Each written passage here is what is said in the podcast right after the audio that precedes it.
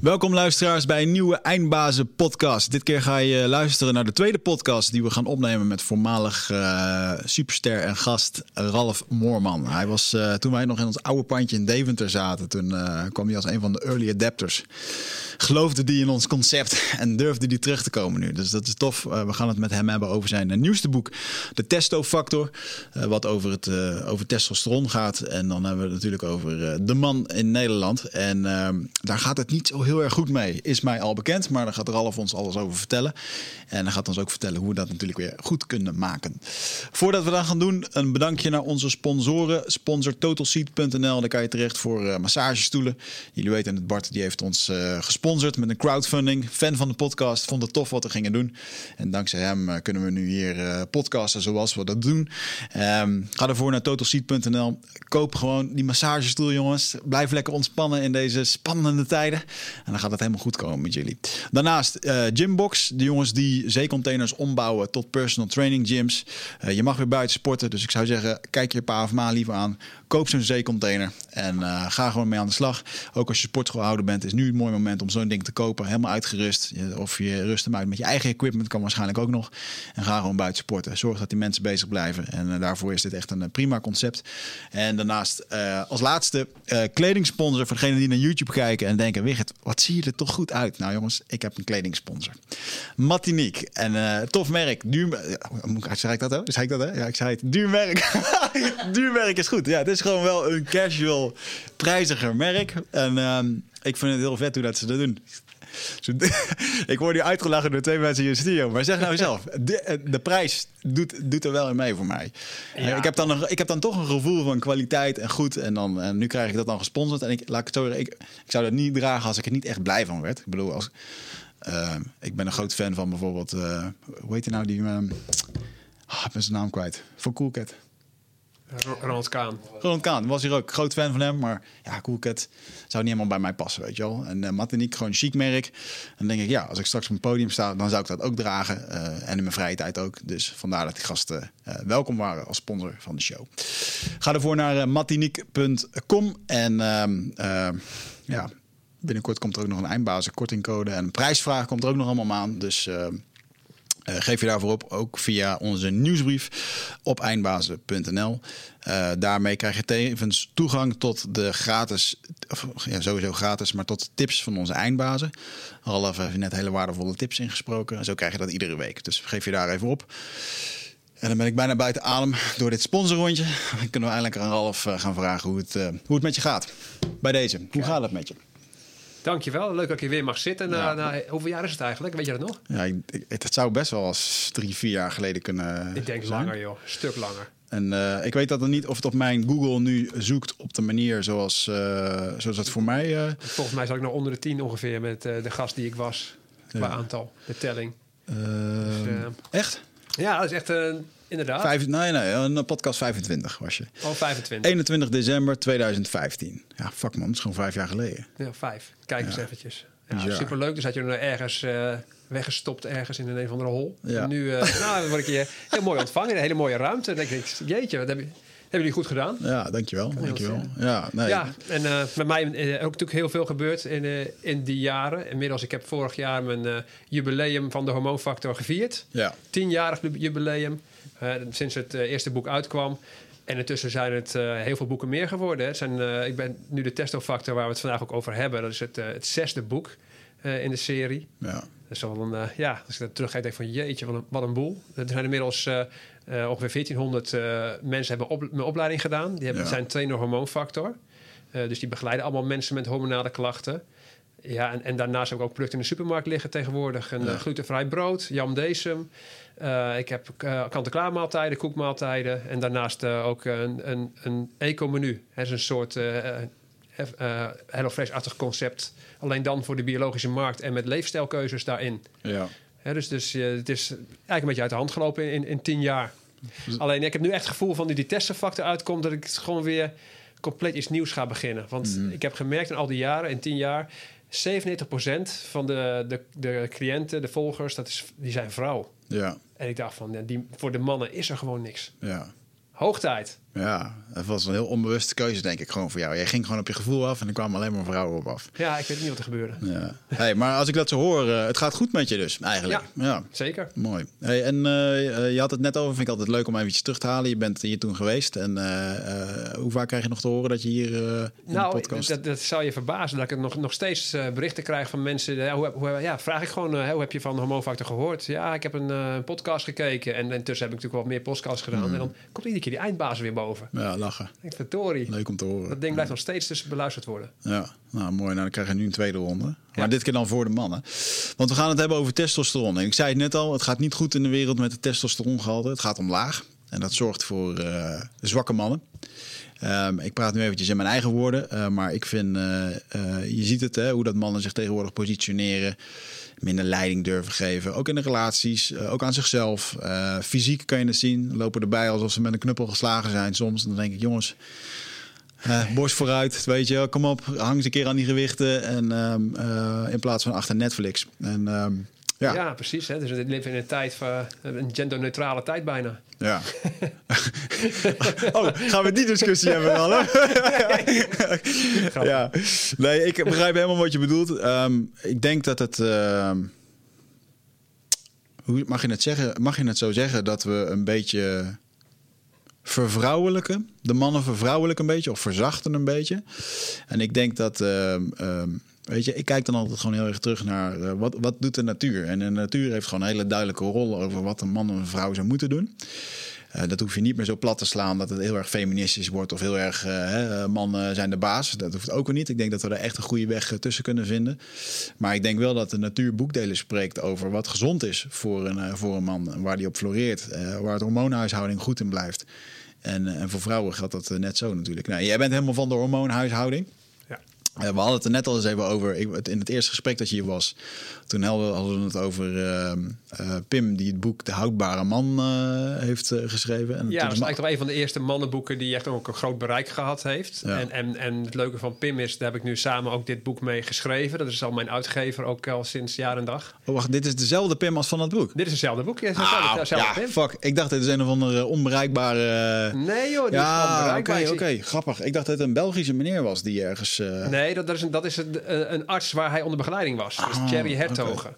Oké, dan is dat... Is, uh, dat is heel freaky natuurlijk met uh, hormoonbehandelingen... waarbij je inderdaad kunt, uh, ja. Ja, verjongende effecten kunt genereren. Voor mij was het wetenschap dat, dat dit boek vertaald was in het Nederlands... maar dat het eigenlijk een buitenlander was. Dat had ik altijd in mijn hoofd. Daarom is het waarschijnlijk ook nog nooit Nee, nee, het is gewoon een Nederlander. Ah, oké, oké. Nou ja, dan hebben we gelijk helemaal alle kennis in huis hier. Dat komt het goed. Precies. Ja. En ja, het vond ik echt, echt natuurlijk een schitterend boek. Aan de ene kant is hij heel erg uh, pionier en heeft heel veel dingen op zichzelf uitgetest. Mm -hmm. um, iets, ik ben iets meer bij leefstijl.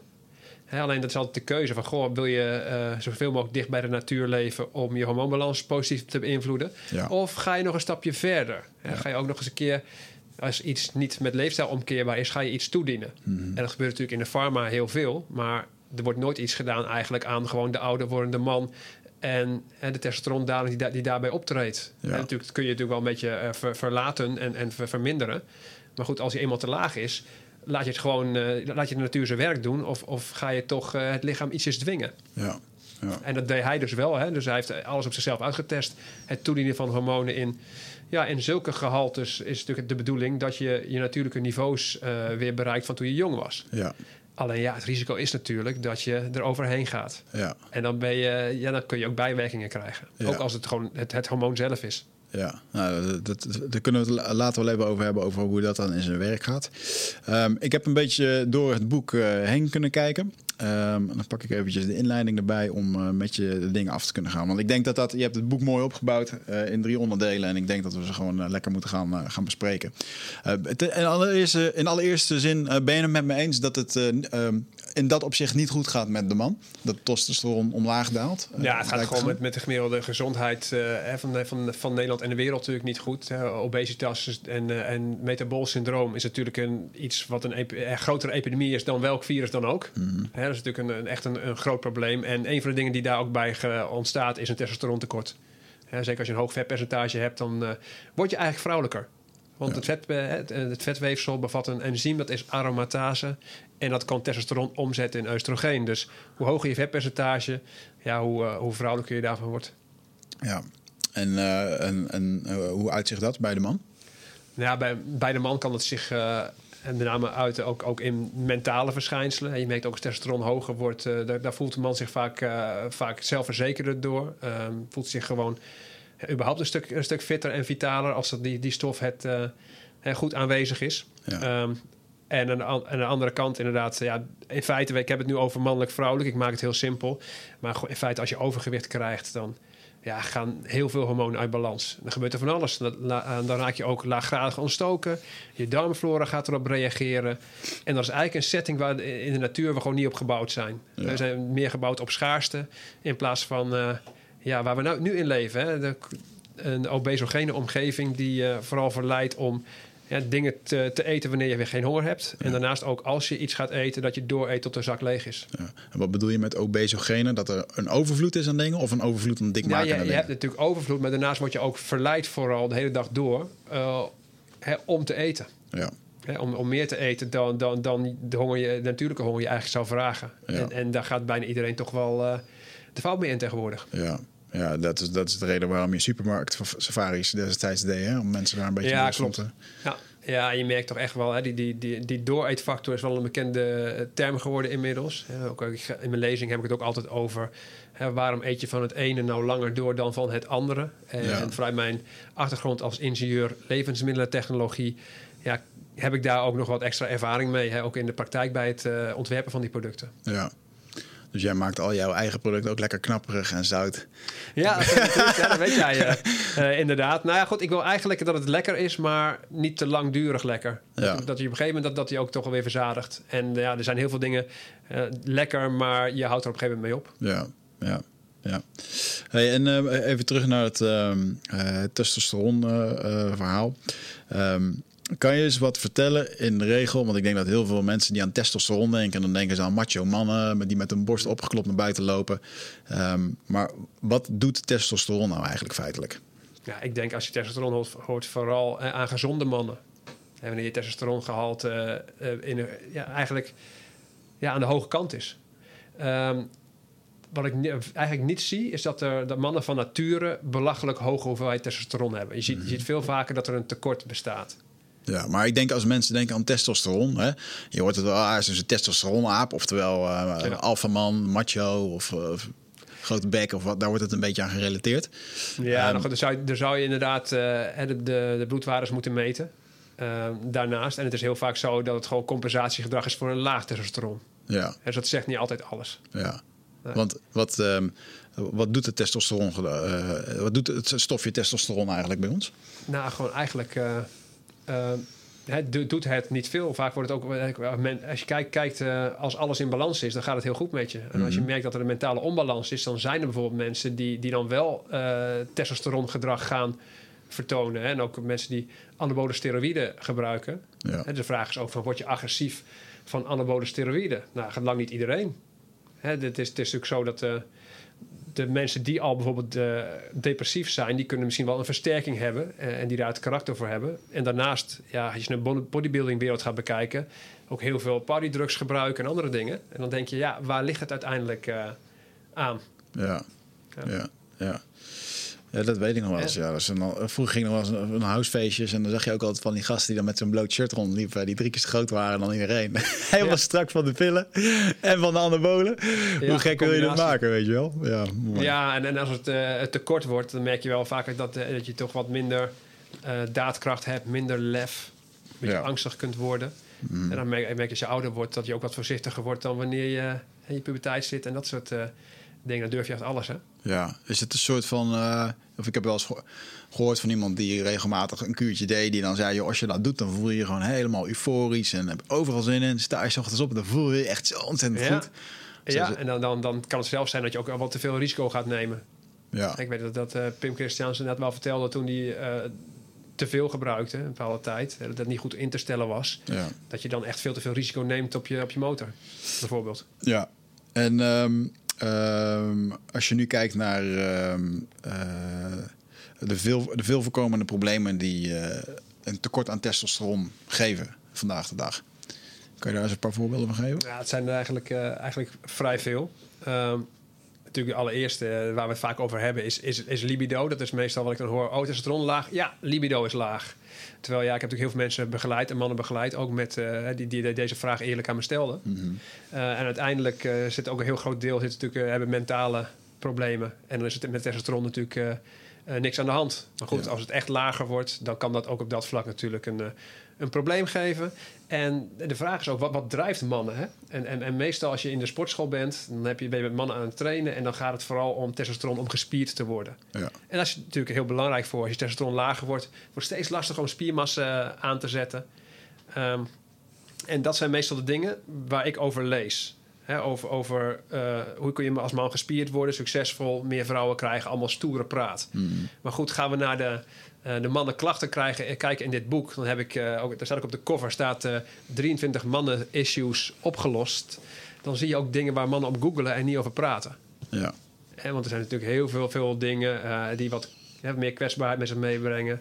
Zeker met ouder worden ook prostaat. heb ik natuurlijk allerlei klachten die op dat vlak kunnen, kunnen optreden. Ehm, maar ook dingen zoals penislengte. Daar hadden het net ook over. Ik heb gewoon één bladzijde in zitten. Leg hem op de, op de pagina, op het boek. En kijk of jij eh, gemiddeld bent of kleiner of groter. Nou ja, vaak stelt het juist wel gerust. Mannen denken, die kijken pornofilms en denken ook dat ze, weet ik veel wat voor dingen moeten presteren. Een enorme penis hebben en daarnaast nog eens een keer een halve liter eh, ejaculeren. Ja.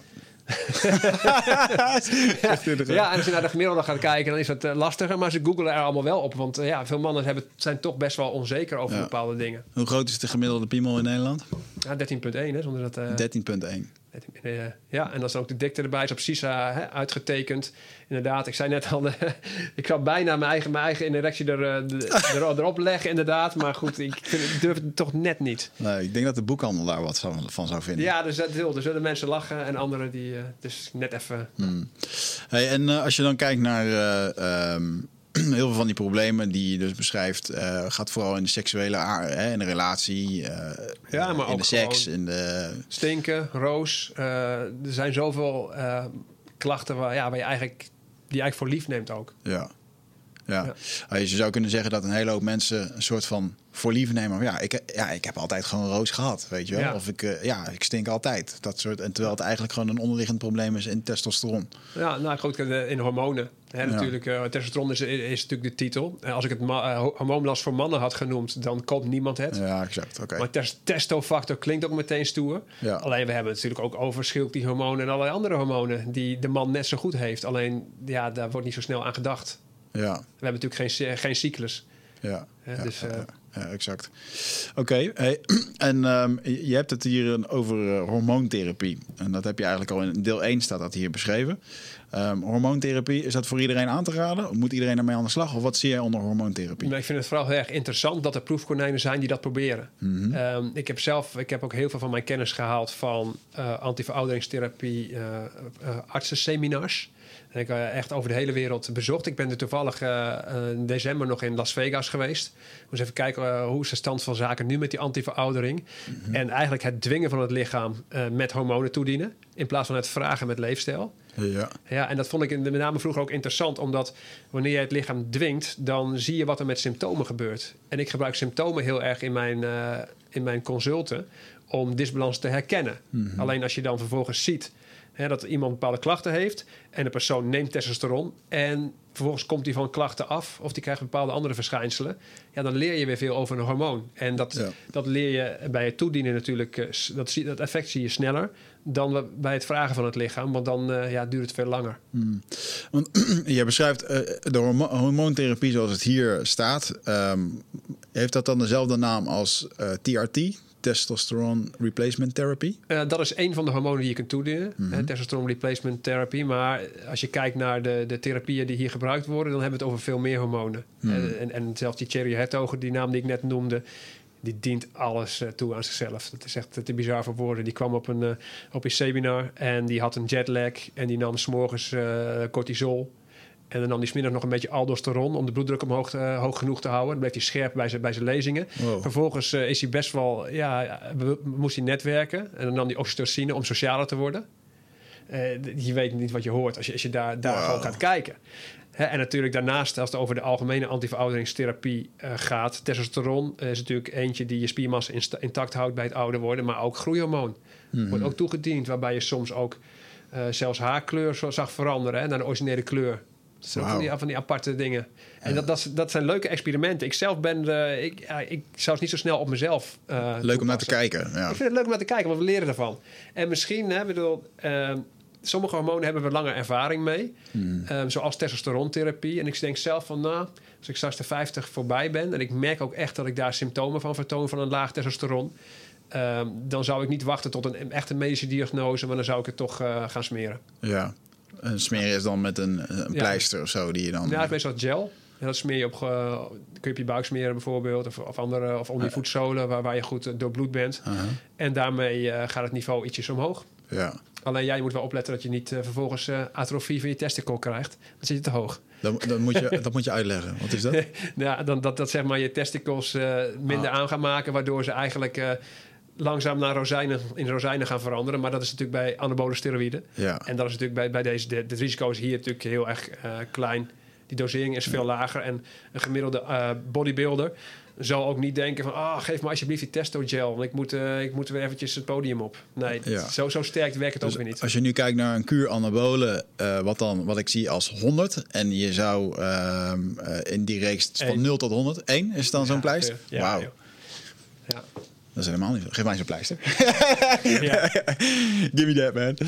Ja. ja, ik vind het wel een, eh, ik, vind het wel een hele bijzondere dat we, eh, wat je dan vertelt, joh, dat iemand gewoon allemaal van die hormonen los gaat zitten nemen als cocktails. eh. Ja, bizar. Nou ja, hij, hij ziet er fantastisch jong uit van de buitenkant. Kan niet anders zeggen. En hij heeft ook zijn haarkleur nog, en nog goed, goed intact. Hij is volgens mij begin 60 is hij. ja.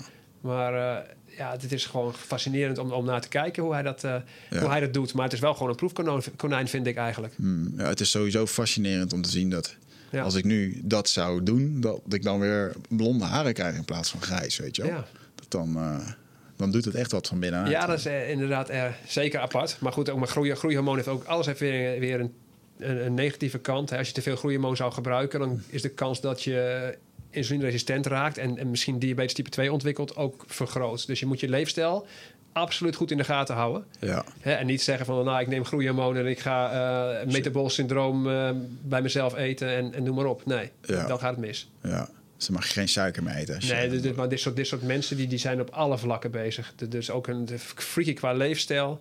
Uh, en met name ga, als het om leefstijl gaat, is het dan voeding en training. En dan nemen ze nog ja. de hormonen erbij. Wat ik vaak minder aandacht zie krijgen is mentaal en stress. Dat soort dingen. Hmm. En dat is zonde. Van die mensen dat ze dat te weinig aandacht geven. Ja, want het is, het is, lastig als je, al, als je vanuit de helikopterview kijkt... en je moet met zoveel dingen rekening houden. Er is altijd wel één pijler die, uh, ja, waar je minder aan toe komt. Ja. Ja, wordt die dan niet opgevangen door uh, extra van buitenaf toe te dienen? Ja, dat is de vraag. En, en, wat je nu beschrijft, als die mensen zo overal mee bezig zijn, of zelfs die, die dat vele sporten, kan ook natuurlijk gewoon een verslaving of een uitweg zijn voor iets. Zeker weten. Ja, en, ja en, en daarnaast, we weten natuurlijk ook nog niet alles. En zeker in combinatie met het gebruik van dingen. Ja, ik moet zeggen, tien jaar geleden ben ik er ook geweest. Ik was, ik was er nou inderdaad weer. Um, ze zijn vooral bezig met stofjes, moet ik zeggen. En, en het was eerst waren het hormonen, nu zijn het groeifactoren geworden. Mhm. Mm -hmm. en, en je merkt dat, dat daar ook veel meer mee gaat gebeuren. He, groeifactoren bijvoorbeeld om uh, cellen die muteren uit de weg te ruimen. He, om, dat is een term is apoptose, van het opruimen van slechte cellen. Uh, om daar met groeifactoren mee te gaan werken. Dat schijnt dus ook antiverouderend te zijn en misschien wel de kans om bepaalde ziektes, uh, kankersoorten tegen te gaan. Ja, ja goed, daar zijn zij natuurlijk weer de eerste mee. Dat zijn de voorlopers. Ja, zo echt een gigantische industrie, oké, okay, die anti-aging. Dit is mega, maar er wordt ook gigantisch veel geld verdiend. En de, degenen die dit ook bij zichzelf doen, die hebben ook vaak een uh, flinke portemonnee hoor. Ja. Ja. Wat, uh, wat vind je daarin in die trant ook van dat... Uh, uh, volgens mij spinnen ze dan dat bloed, bloedplasma. Spinnen ze op een bepaalde manier en dan krijg je dan weer opnieuw ingespoten? Vernieuwen ze ja, je bloed dat zijn, er zijn allerlei soorten groeifactoren. En de een wordt, wordt, wordt gewoon gemaakt in een lab... en de ander die wordt uit bloedplasma gehaald. er zijn allerlei verschillende, verschillende soorten en verschillende manieren van het, het winnen. Ik bedoel, misschien dat jij het nu ook hebt over... Uh, huidbehandelingen uh, en bij, bij haargroei, haargroeiversterkers, dat zijn ook vaak groeifactoren, die worden al best wel veel gebruikt. Mm. Alleen op die seminars zag ik al ja, heel, heel andere dingen. Veel, veel meer ver- vernieuwend eigenlijk. Ja, nou, het ging meer over eh, mensen die bijvoorbeeld een hernia hebben en dan eh, het plasma van hun bloed laten spinnen op een of andere manier. Ja, daar En kun je dat- dus groeifactoren uithalen. En dat hebben ze daar inderdaad ook veel vaker gedaan. En mensen Ja. die ongelukken hebben gehad. eh, ehm, en ook eh, als jij bijvoorbeeld, ik heb het toevallig ook eh, een paar jaar geleden laten doen, een kruisbandreconstructie krijgt. Ja. Waarbij je een combinatie doet van groeifactoren en de operatie. Waardoor je veel sneller herstelt. ja. Ja, dat is interessant. Oh, dat heb je ook gedaan. Nou, heb ik niet gedaan. Ik heb het, ik heb het daar gezien. Ja, op, ah, op die, op die seminars. Alleen ja, hier in Nederland zijn we niet zo vooruitstrevend wat dat betreft als Amerika. Dus het, Ja. iets rustiger. Ja, ja. Als ik kijk naar die UFC en MMA-wereld, dan zie je al die gasten gewoon eh, aan de TRT zitten, eh, helemaal opgepompt. Het mag dan nu niet meer van, het van de commission. Maar ja, Maar het sloeg nergens op dat daar 42-jarige mannen stonden die even een comeback maakten na drie jaar. En mensen gewoon eh, met draaitrappen ook uit trapt op de meest fashionable manier die er was. Weet je, zo'n wow, superhuman. precies. Eentje had er zelfs de bijnaam Vitor TRT Belfort. Zo'n Braziliaan, weet je wel. En toen stopte hij. En toen was hij gelijk in één keer een gewichtsklasse omlaag eh, gegaan. Ja. prachtig. Ja. Maar ik vind het wel mooi om te zien. Ik bedoel, eh, het, het geeft daarin wel aan. Je krijgt... ehm, en het vraagstuk daar is natuurlijk van... ja, je hebt straks iemand die niet gebruikt en iemand die wel gebruikt. Dus dan is het oneerlijk. Ehm, maar dan heb ik zoiets ja, als ze alle twee gebruiken... en ze vinden het oké, hè, weet je, eh, laat ze het lekker doen. Het blijft ook, ook showbiz. En eh, dat is ook een stuk. Eh, en anderzijds denk ik... eh, Joop Kasteel, die was hier, die zei dat ook. Hè? Joop Kasteel, de, Ja. de oude free fighter. En die ook gewoon zei van ja... Het was niet eens eigenlijk om zoveel sterker te worden. Het was gewoon om, ook, de, om drie keer per dag te kunnen trainen, weet je wel. Om te kunnen herstellen. En dat krijg je niet, dat krijg je niet bijgegeten met drie eieren. Nee. En dan, eh, maar goed, ehm, Ja, maar goed, het, het, het toedienen, daar kun je, als je zeker hoge doseringen gebruikt, dan kun je met leefstijl dan niet tegenop. Ja. Eh, maar, maar, maar wel, eh, als het om een normale gezondheid gaat en normaal eh, fit zijn, een goed prestatieniveau, ja, dan is het wel lastiger om met leefstijl te doen dan natuurlijk het smeren of iets anders toe te dienen. ja. Want met leefstijl ben je aan de ene kant... het eerste wat belangrijk is natuurlijk voor je testosteron... is dat je vetpercentage niet te hoog is. Hè, wat ik net natuurlijk al, al vertelde. Daarnaast in de gym trainen. Echt, eh, echte krachttraining waarbij je ook traint en niet alleen maar beweegt. Hè. Ja. Natuurlijk dat je echt over grenzen heen gaat... waardoor uiteindelijk je anabole systeem daardoor uitgelokt eh, wordt. Dan heb je natuurlijk voldoende herstel nodig. De slaap is natuurlijk cruciaal. En slechte slaap, dat is funest voor testosteron ook. Het is heel belangrijk dat je, dat je goed herstelt. Stress reduceren. Veel mensen die, die denken hè, naast een drukke baan nog eens even te gaan trainen en, en gezond te eten. Maar goed, die stress die, die, ja, die zorgt ook dat de tegenhanger cortisol hoog is juist. En, en, en de testosteron weer wat lager wordt. Maar ook heel veel mentale dingen zijn van belang waar je niet eens rekening mee houdt. Ja. Ik heb ook een hoofdstuk erin zitten. eh kom op de top van de apenrots. Hè, je merkt ook dat, eh, dat dat helpt. Alleen het gaat waarschijnlijk niet om je machtspositie, maar meer om het omringen met, eh, met sociale contacten. Hè, dat is bijvoorbeeld een hele belangrijke. En daar gaat ook de testosteron goed op reageren. En, dus, dus, dus dat is belangrijk. Ehm, af en toe ergens trots op zijn, winnen. Je ziet ook als, als je een wedstrijd wint of iets anders, dat testosteron hoger wordt. ja, dus als iedereen een lolly krijgt, is dat niet goed. Eh, nee, Dus er, moet, er, moet, er mag geen, eh, wat is het? Dat, eh, hoe heet het, nou? noemen ze dat nou? Zo'n meedoeprijs of zo. Of zo'n Troost. troostprijs, ja. Ja, ja precies. Nee, maar je ziet gewoon om, om, om aan al die dingen te voldoen op een langere termijn. Ja, dat is voor veel mensen best wel een, eh, een uitdaging. Dus dat betekent dat je dat heel graag moet willen. ja. En heel gemotiveerd wil zijn. Dat je echt jezelf voor je moet zien, eh, zien als de persoon die je wil zijn. En, en dat beeld iedere keer voor je houden. ja. Anders dan, eh, ja, dan wint de ja. kortetermijnsverleiding waarschijnlijk. Ja, en is dat beeld realistisch? Want als jij kijkt naar Ja, die, allemaal naar die pornosterren of naar die superatleten waar je naar op zit te vergelijken, dan, dan is het echt, ja, dan vergelijk je met het verkeerde. Is ook zo. Maar ja, goed, ik weet dat ik heel graag... eh, ik heb ook natural bodybuilding gedaan vroeger. Ja. Je hebt ook op de mensheld gestaan en zo, hè? Ja, heb ik ook mee gedaan, dingetjes. Ja. Ja, en, en Mensheld coverwedstrijd was het volgens mij. Maar ik weet inderdaad nog wel dat, dat ik inderdaad nog nooit een sixpack had gehad. Mhm. En dat ik er helemaal voor ging. En ik denk, nou komt hij, hij komt eraan. Het percentage wordt lager. En mijn gezicht werd maar magerder en magerder.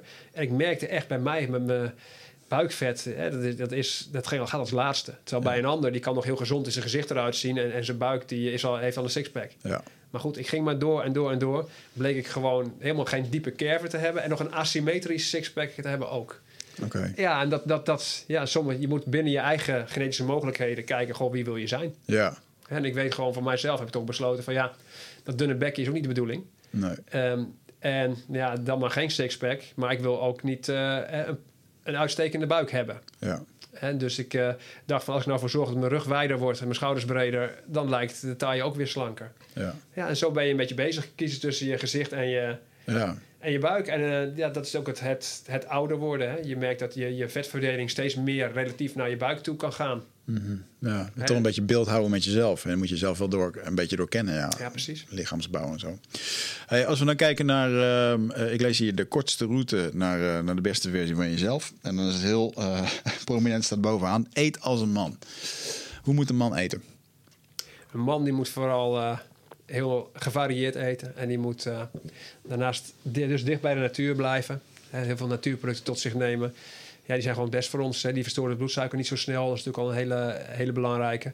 En daarnaast moet je voldoende nutriënten binnenkrijgen. Ja. Dat is natuurlijk een hele belangrijke. En uh, ja, er wordt heel vaak gesproken over uh, eiwit en vlees. Uh, ja, en het klopt dat je eiwitten heel belangrijk zijn. Maar goed, ik ken ook wel man, mannen die in topshape zijn met een hoge testo... die vegetarisch eten. Ja. En veganistisch is nog moeilijker. Maar dan moet je wel heel goed weten wat je doet.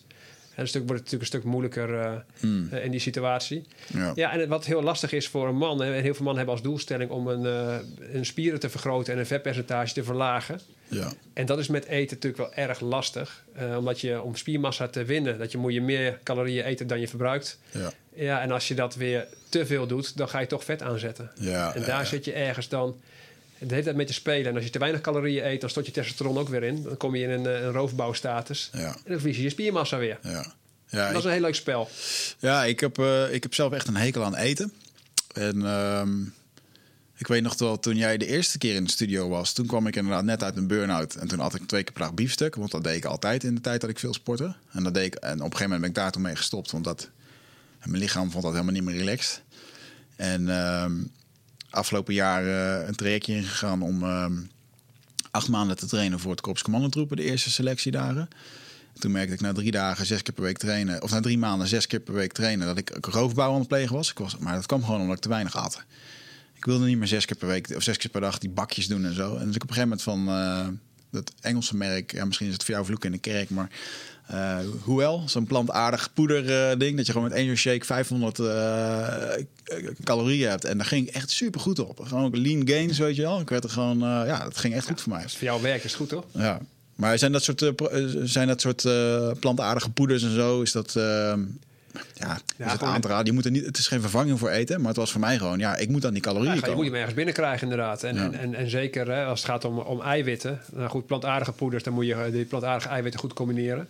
Um, het wij-eiwit is, het, is een van nature veel, veel betere bron qua biologische waarde en, en benutbaarheid van het, uh, van het eiwit. Mhm. En het lijkt alsof uh, eiwit, of, uh, wij-eiwit nog iets meer doet dan alleen maar het eiwit wat erin zit. He, bepaalde groeifactoren, bepaalde dingen worden toch wel mee, mee uitgelokt. En ik denk zelf van ja, als jij moeite hebt met, met via voeding binnenkrijgen, dan moet je het op een andere manier doen. Ja, Ja. Zo, zo simpel is het. Kijk, ik zelf haal het allemaal uit voeding, maar Ja. in jouw geval was het toppetje. Ja, ja, ik, vond, ja, ik hou gewoon van drie keer per dag eten. Tussendoor zo'n shake. En dan eh, zit ik aan het eind van de dag op 3000 calorieën. En dat is prima voor mij, weet je wel. Oké. Ehm, en ehm, als je dan nu kijkt naar eh, het, het ve- veganisme. Want soja is dan niet heel erg goed voor je testosteron, toch?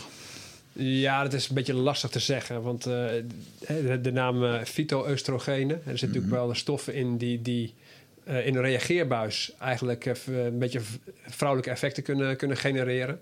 In het lichaam is het iets minder eh, aangetoond. Maar eh, uit voorzorg zou ik zeker niet daar een groot verbruiker van worden.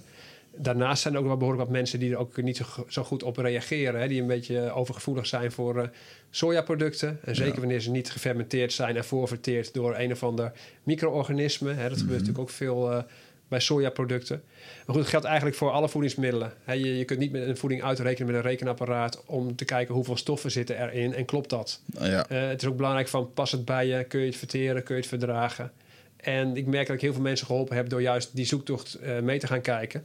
En waarbij er heel veel mensen bijvoorbeeld glutensensitief bleken te zijn die dat niet wisten. ja. Of mensen die toch niet goed tegen zuivel kunnen. En klachten hadden die ze niet relateerden aan de zuivel. En door dingen uit te testen, bepaalde dingen eventjes te schrappen en dan weer te introduceren. Ja, dan Ja. ga je jezelf toch beter leren, leren kennen. Hè? Want je, echt, ik merk meestal dat eh, de voedingskundigen die kijken echt alleen maar naar die stofjes. En ga niet verder zoeken van, goh, wat past nou bij jouw fysiologie? Ja, ja, ja, ja. ja. Ja, en, en personalized nutrition is uiteindelijk eh, waar je terecht wil komen. Ja, omdat hoeveel, hoeveel zou je zeggen als het. eh, hoeveel hoe, belangrijk is in percentage het eten ten opzichte van het trainen? Eh, het eten ten opzichte van trainen. Ja, dat hangt ook puur Ze zeggen wel eens hè, je dat doelstelling af. het 10% is in de gym en 90% in de keuken. Je hebt het nu over, soort- eh, over spiermassa. over apps laten zien of weet ik veel. eh, je, je, je sixpack of je. Ja, qua sixpack dat doe je natuurlijk in de keuken. Ja, Ehm, spiermassa bouwen, daar is voeding ook heel belangrijk voor. Maar dan zou ik hem eer- Kijk, als je kijkt naar een sixpack, dan is het eh 80% keuken. Mhm. Ga je naar spiermassa bouwen, 50% keuken, 50% training. Dan zou ik hem veel meer richting training ook leggen. Want ik merk dat hè, mensen kunnen nog zo goed eten. En, en ze hebben een trainingsschema waar ze te lang doen. En, en eigenlijk bewegen ze in plaats van trainen ze. Ja, dat, dat zie ik gewoon heel veel. Of mensen herstellen gewoon niet, niet goed van hun, eh, van hun training en overtrainen. Ja, en dan kun je zo goed eten wat je wil, maar dan eh, klopt het andere principe weer niet. En wat bedoel je met eh, bewegen in plaats van trainen? Ik moet dan meteen denken aan de meneer die ik met een hoofdbandje in een eh, sportschool in Amerika zag. Hoofdbandje, zweetbandje om met een krantje op het fietsje. Ja, ja klopt. Ja, dat is bewegen. Dat is bewegen, Dan doe je iets wat je, ja, wat je, wat je eigenlijk al kan. En dat kun, je, dat kun je iedere dag doen. Hoef je Ja. niet van te herstellen. Terwijl dat trainen is echt over een grens heen gaan. En eh, op zo'n manier je, je lichaam uitdagen dat je ergens beter in wordt. En ja, in dit geval gaat het erom dat je in de bodybuild training dat je eh, zwaarder gaat of eh, je gaat je, je tijdsduur van je set ga je verhogen of veranderen. Je gaat je oefening veranderen. In ieder geval dat je altijd maar gevarieerd bezig bent. En ja, en als je de tien herhalingen wil maken, er geen elf kunt redden.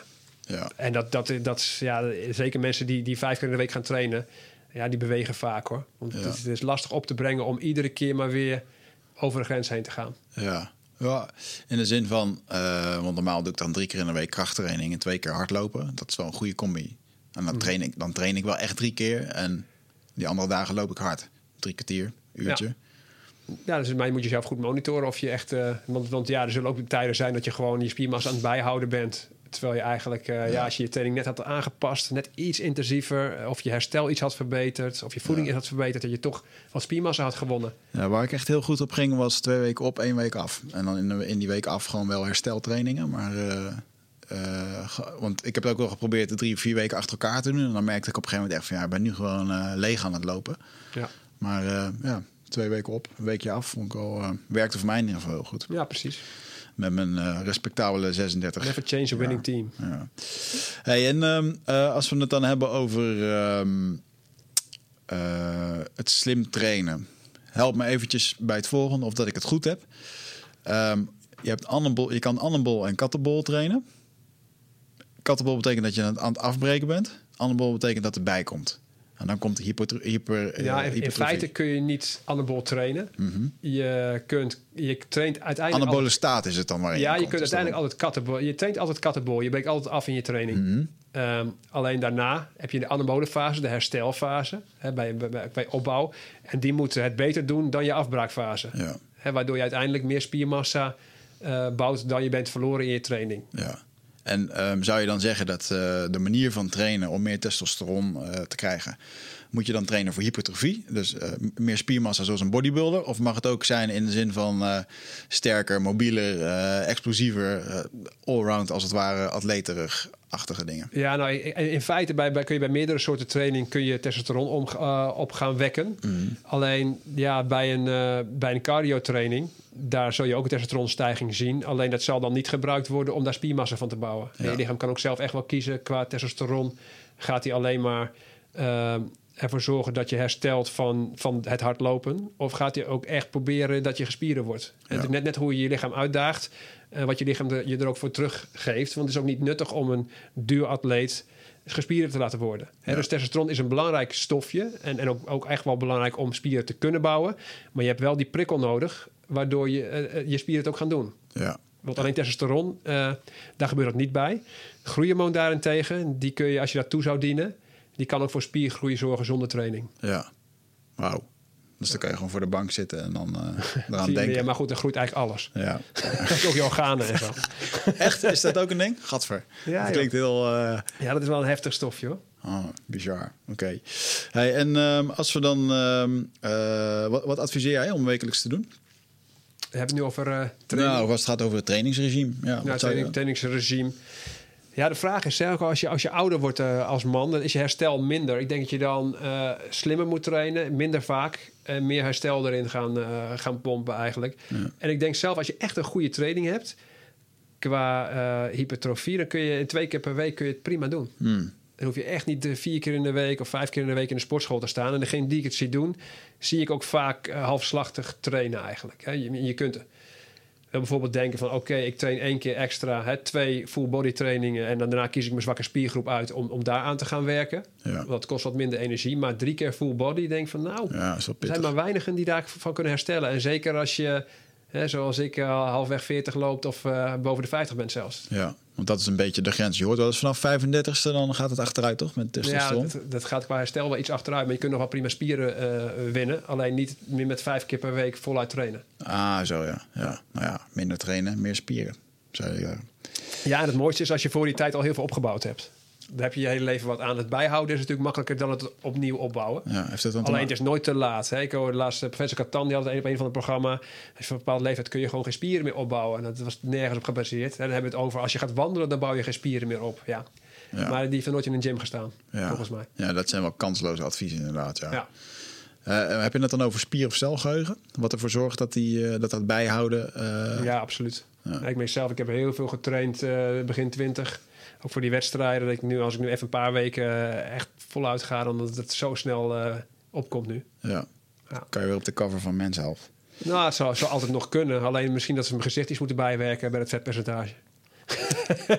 ja, dat is Photoshop voor, hè? Hoef je ook niet meer te trainen. nou, ik, natuurlijk, wat je natuurlijk in Amerika ziet, dat is ook al na, het streven naar een heel laag vetpercentage. Ja. Maar dan uh, wordt het gezicht volgeknald inderdaad met allerlei injectables. En, uh, Echt? Ach, ja. zo ziek Ja, joh, want je verliest natuurlijk uh, volume in je gezicht. En, en ja. Dat doen ze dan daarmee. Ik kan er zo gek van worden, jongen. Dat, het, er wordt je gewoon zo ontzettend aangeleerd om niet van jezelf te houden in deze wereld. Je draait een magazine over en je ziet Pino met zijn witte tanden en zijn grote chest. En uh, je weet niet dat hij helemaal onder... Die, zelfs die chest die kan nog erin gezet zijn, weet je wel? Ja, klopt. Het is wel echt heel... Uh, uh, ja, slecht in ieder geval.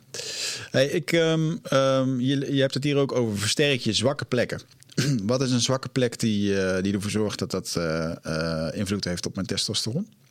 Nou, het is niet zozeer dat je dat invloed heeft op je testosteron. Het is meer zwakke plekken als het gaat om bepaalde spiergroepen die achterblijven, die je extra aandacht geeft. Ja. En zoals uh, Schwarzenegger, die uh, weet ik veel hoeveel donkey races voor zijn kuiten ging doen. En die daar vooral mee bezig was. Ja. En we hebben allemaal wel, wel, wel zwakkere punten. Ik heb zelf een, een belachelijke borst. Ik weet als kind keek ik uh, Amerikaans worstelen met Hulk Hogan. Mm -hmm. Dan ging ik voor de spiegel poseren in een hemdje. en mijn borst groeide daar al van. En terwijl mijn schouders en mijn armen, dat wilde eigenlijk helemaal niet. Dus ik heb veel harder gewerkt aan die schouders en die armen... om dat een beetje recht te trekken met die, met die rare borst. Nou. Ja, goed, dus over iedereen denk ik een, een freaky spiergroep. Ja. En dan moet je uh, uiteindelijk de balans uh, omheen gaan bouwen. Mm. En daar zijn natuurlijk speciale oefeningen voor die eigenlijk... Hè, soms zijn het hele kleine spiergroepen die voor je totaal testosteron eigenlijk weinig effect hebben. En want hoe groter je spiergroep, hoe meer uh, anabol effect je kunt genereren na de training. Ja. Hey, en je hebt het nou hier ook over een wasbord of een platbord. Um, heeft iedereen een wasbord? nee. Nee, ik heb ook genoeg mensen die, ja, bedoel, dat, dat is echt niet zo'n zo, zo ribbeltekening. Nee. Maar die kunnen soms ontzettend sterk zijn in hun buikspier hoor.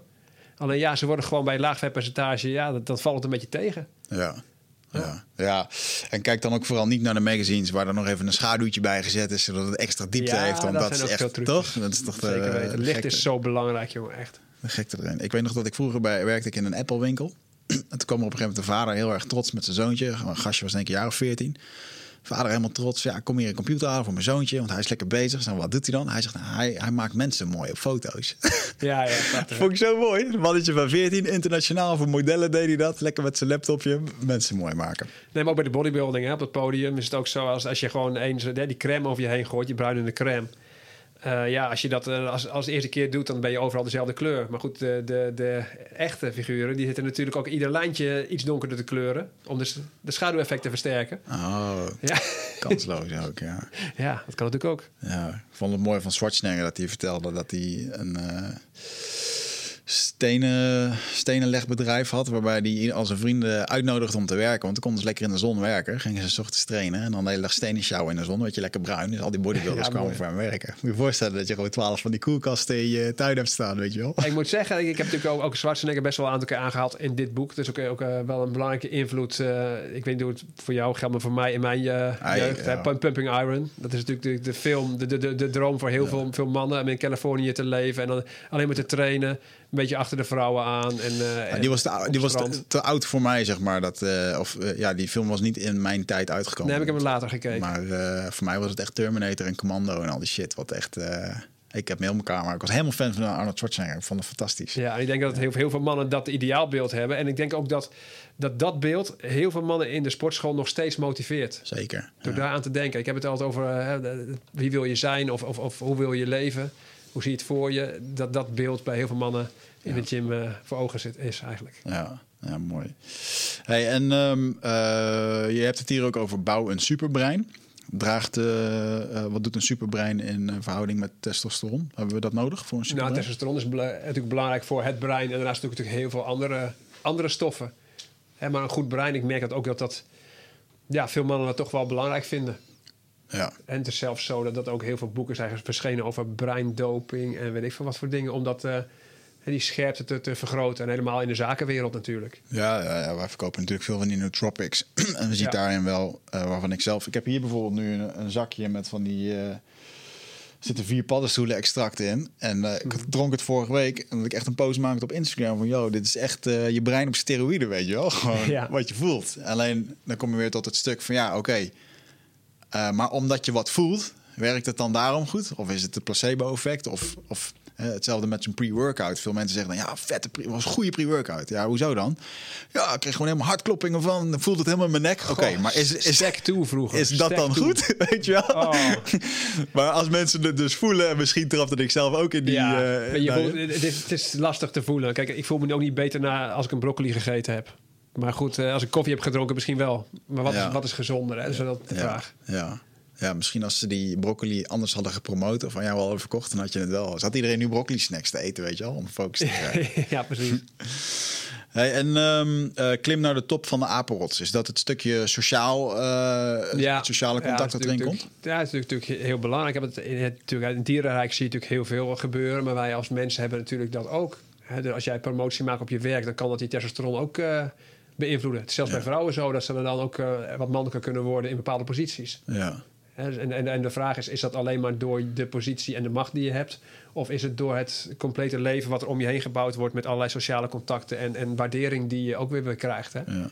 Die misschien wel niet echt is hoor, die waardering. Maar je merkt het wel aan de, aan de stofjes die erbij eh, bij ontstaan. Ja, ik heb wel eens gelezen dat diezelfde stofjes er ook voor zorgen dat je mensen om je heen zoekt die altijd een treetje lager staan dan jij. Dat veel mensen dat doen in. eh, Ja, en, en het is zelfs zo dat bepaalde diersoorten... dat echt als je, als je onderworpen wordt door, hè, door een ander eh, dominant dier... dat je volgens je hersenen veranderen. oh, wow. En waardoor je een soort ander, eh, ander rol krijgt ook in, in, in, die, die, in die samenleving. Ja, dat je gewoon voortaan afwast en drinken haalt.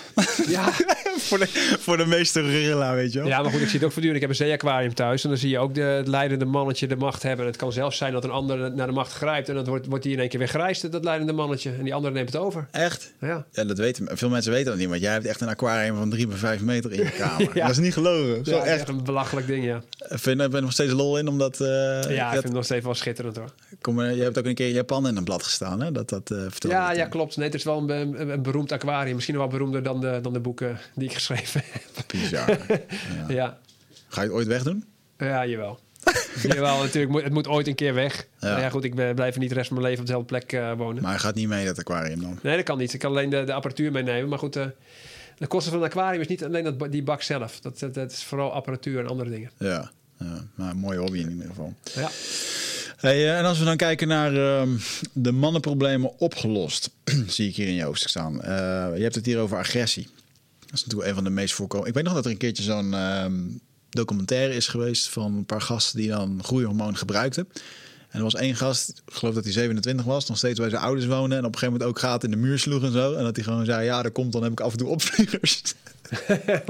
Ja, dat is echt bizar. Ergens op Nederland nog iets was dat, met een paar van die... eh, eh, Ja. ja. Ja, ze bestaan wel hoor, die, die zo op, op, op het hormoon reageren. Uh, ik denk ook dat, dat er heel veel uh, producten omheen gebruikt worden waar die agressie door veroorzaakt wordt. Mm -hmm. Als je hebt, hebt over pre-workout, boosters en weet ik veel wat voor dingen. Er zijn allerlei van dat ja. soort productjes uh, natuurlijk daar in omloop. Ja. Ik denk als je echt eens even in zo'n hardcore gym gaat kijken, wat daar allemaal verhandeld wordt. Dat, uh... Ja, als je het al op een hele lichte manier. Ik, krijg al, ik, ik word al opvliegeriger als ik twee koffie heb gedronken, weet je wel. Dan, ja. dan merk ik dat ik een andere staat van zijn heb dan. Uh, of, of, als het me raakt, dan ik ben zo'n. Dan krijg een beetje zo'n geïrriteerde uh, ja, tingeltje als het ware. Ja. Dus ik kan me wel voorstellen dat dit. Ja, en, en inderdaad een, een gemoedstoestand versterkend, zeker. Maar alleen maar veroorzakend bij heldere hemel, dat, daar geloof ik niet in. Ja. En heeft het er dan ook mee te maken dat mensen die agressie niet goed kunnen kanaliseren? Want ik denk dat een hele hoop mensen agressief zijn op de manier zoals wij dat kennen. Terwijl diezelfde energie ook gebruikt zou kunnen worden voor productiviteit of uh, uh, ja, uh, in een andere vorm. Dat die naar buiten ja, wordt. Ja, je hebt jezelf op een gegeven moment aangeleerd. Misschien vooral als, als kind al. Ja. Dat, dat, dat, dat dat uiteindelijk jou misschien toch resultaat bood. Alleen in de huidige tijd niet meer. Mm -hmm. Alleen je blijft hetzelfde doen. Dat heb je natuurlijk met heel veel gedragingen. Ja.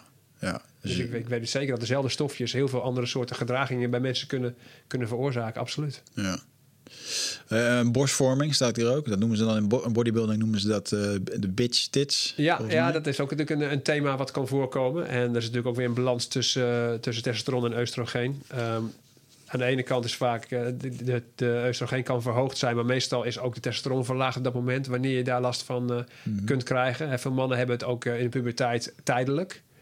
Um, alleen het kan ook op latere leeftijd ook echt uh, gewoon voor gaan komen. Ja. En ja, het, het, lastige is ook, je kunt natuurlijk het proces uh, daarmee wel tegengaan door testosteron te verhogen. Maar als het er eenmaal zit, is best lastig weg te krijgen. En dan lees je allerlei dingen van op, uh, op internet. Zoals allerlei crèmes. het mannelijkste hormoon is niet testosteron, maar het is een omzettingsproduct. Dat is dihydrotestosteron, mm -hmm. DHT. En daar kun je ook bijvoorbeeld gel van kopen op die plaatsen smeren. En uh, ja, er worden soms ook wel eens resultaten mee bereikt zonder dat je gaat opereren. Oh, wauw. Ja, want daar worden natuurlijk ook operaties mee gedaan. De vraag is ook of die ook, ook penisverlengend werkt. Dat, daar heb ik ook wel dingetjes over gelezen. Ja. Maar het is nog niet, uh, dat is, kan alleen op jonge leeftijd. Als je een micropenis krijgt en je zou dat smeren of toedienen, dan kun je die groei nog wel verhogen.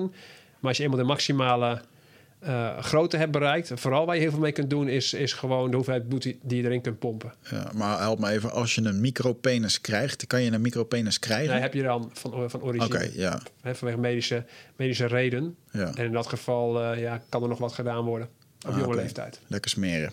Ja. Acht keer vraag, weet je wel? Ja, ik denk, ja.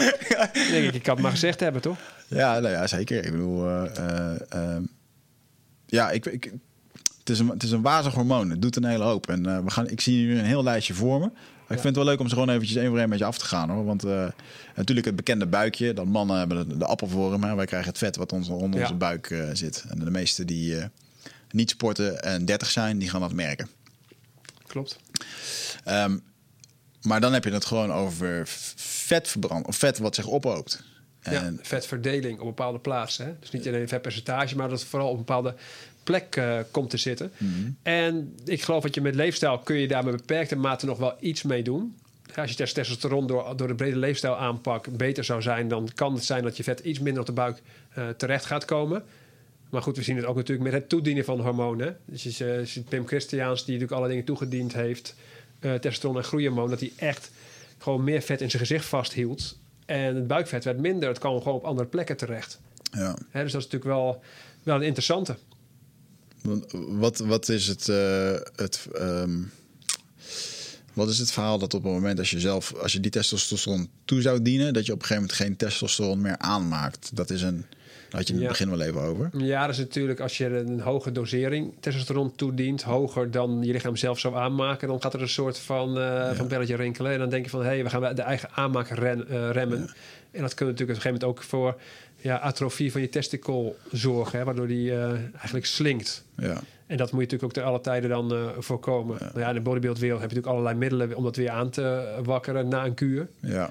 Alleen ja, bij testosteron gel is best wel lastig ook uh, het toedienen daarvan. Hè. Dat wordt natuurlijk door de huid opgenomen. Mhm. Mm. En ja, dan, dan zeg je bijvoorbeeld neemt, uh, neem één pompje. Ja, en dan vervolgens, ja, die kunt of een klein pompje nemen of je kunt dat ding helemaal doorduwen. Ja. En sommigen denken van, nou, Ja, dan kan zo goed. Waarom zou ik niet gewoon twee doen? Ja.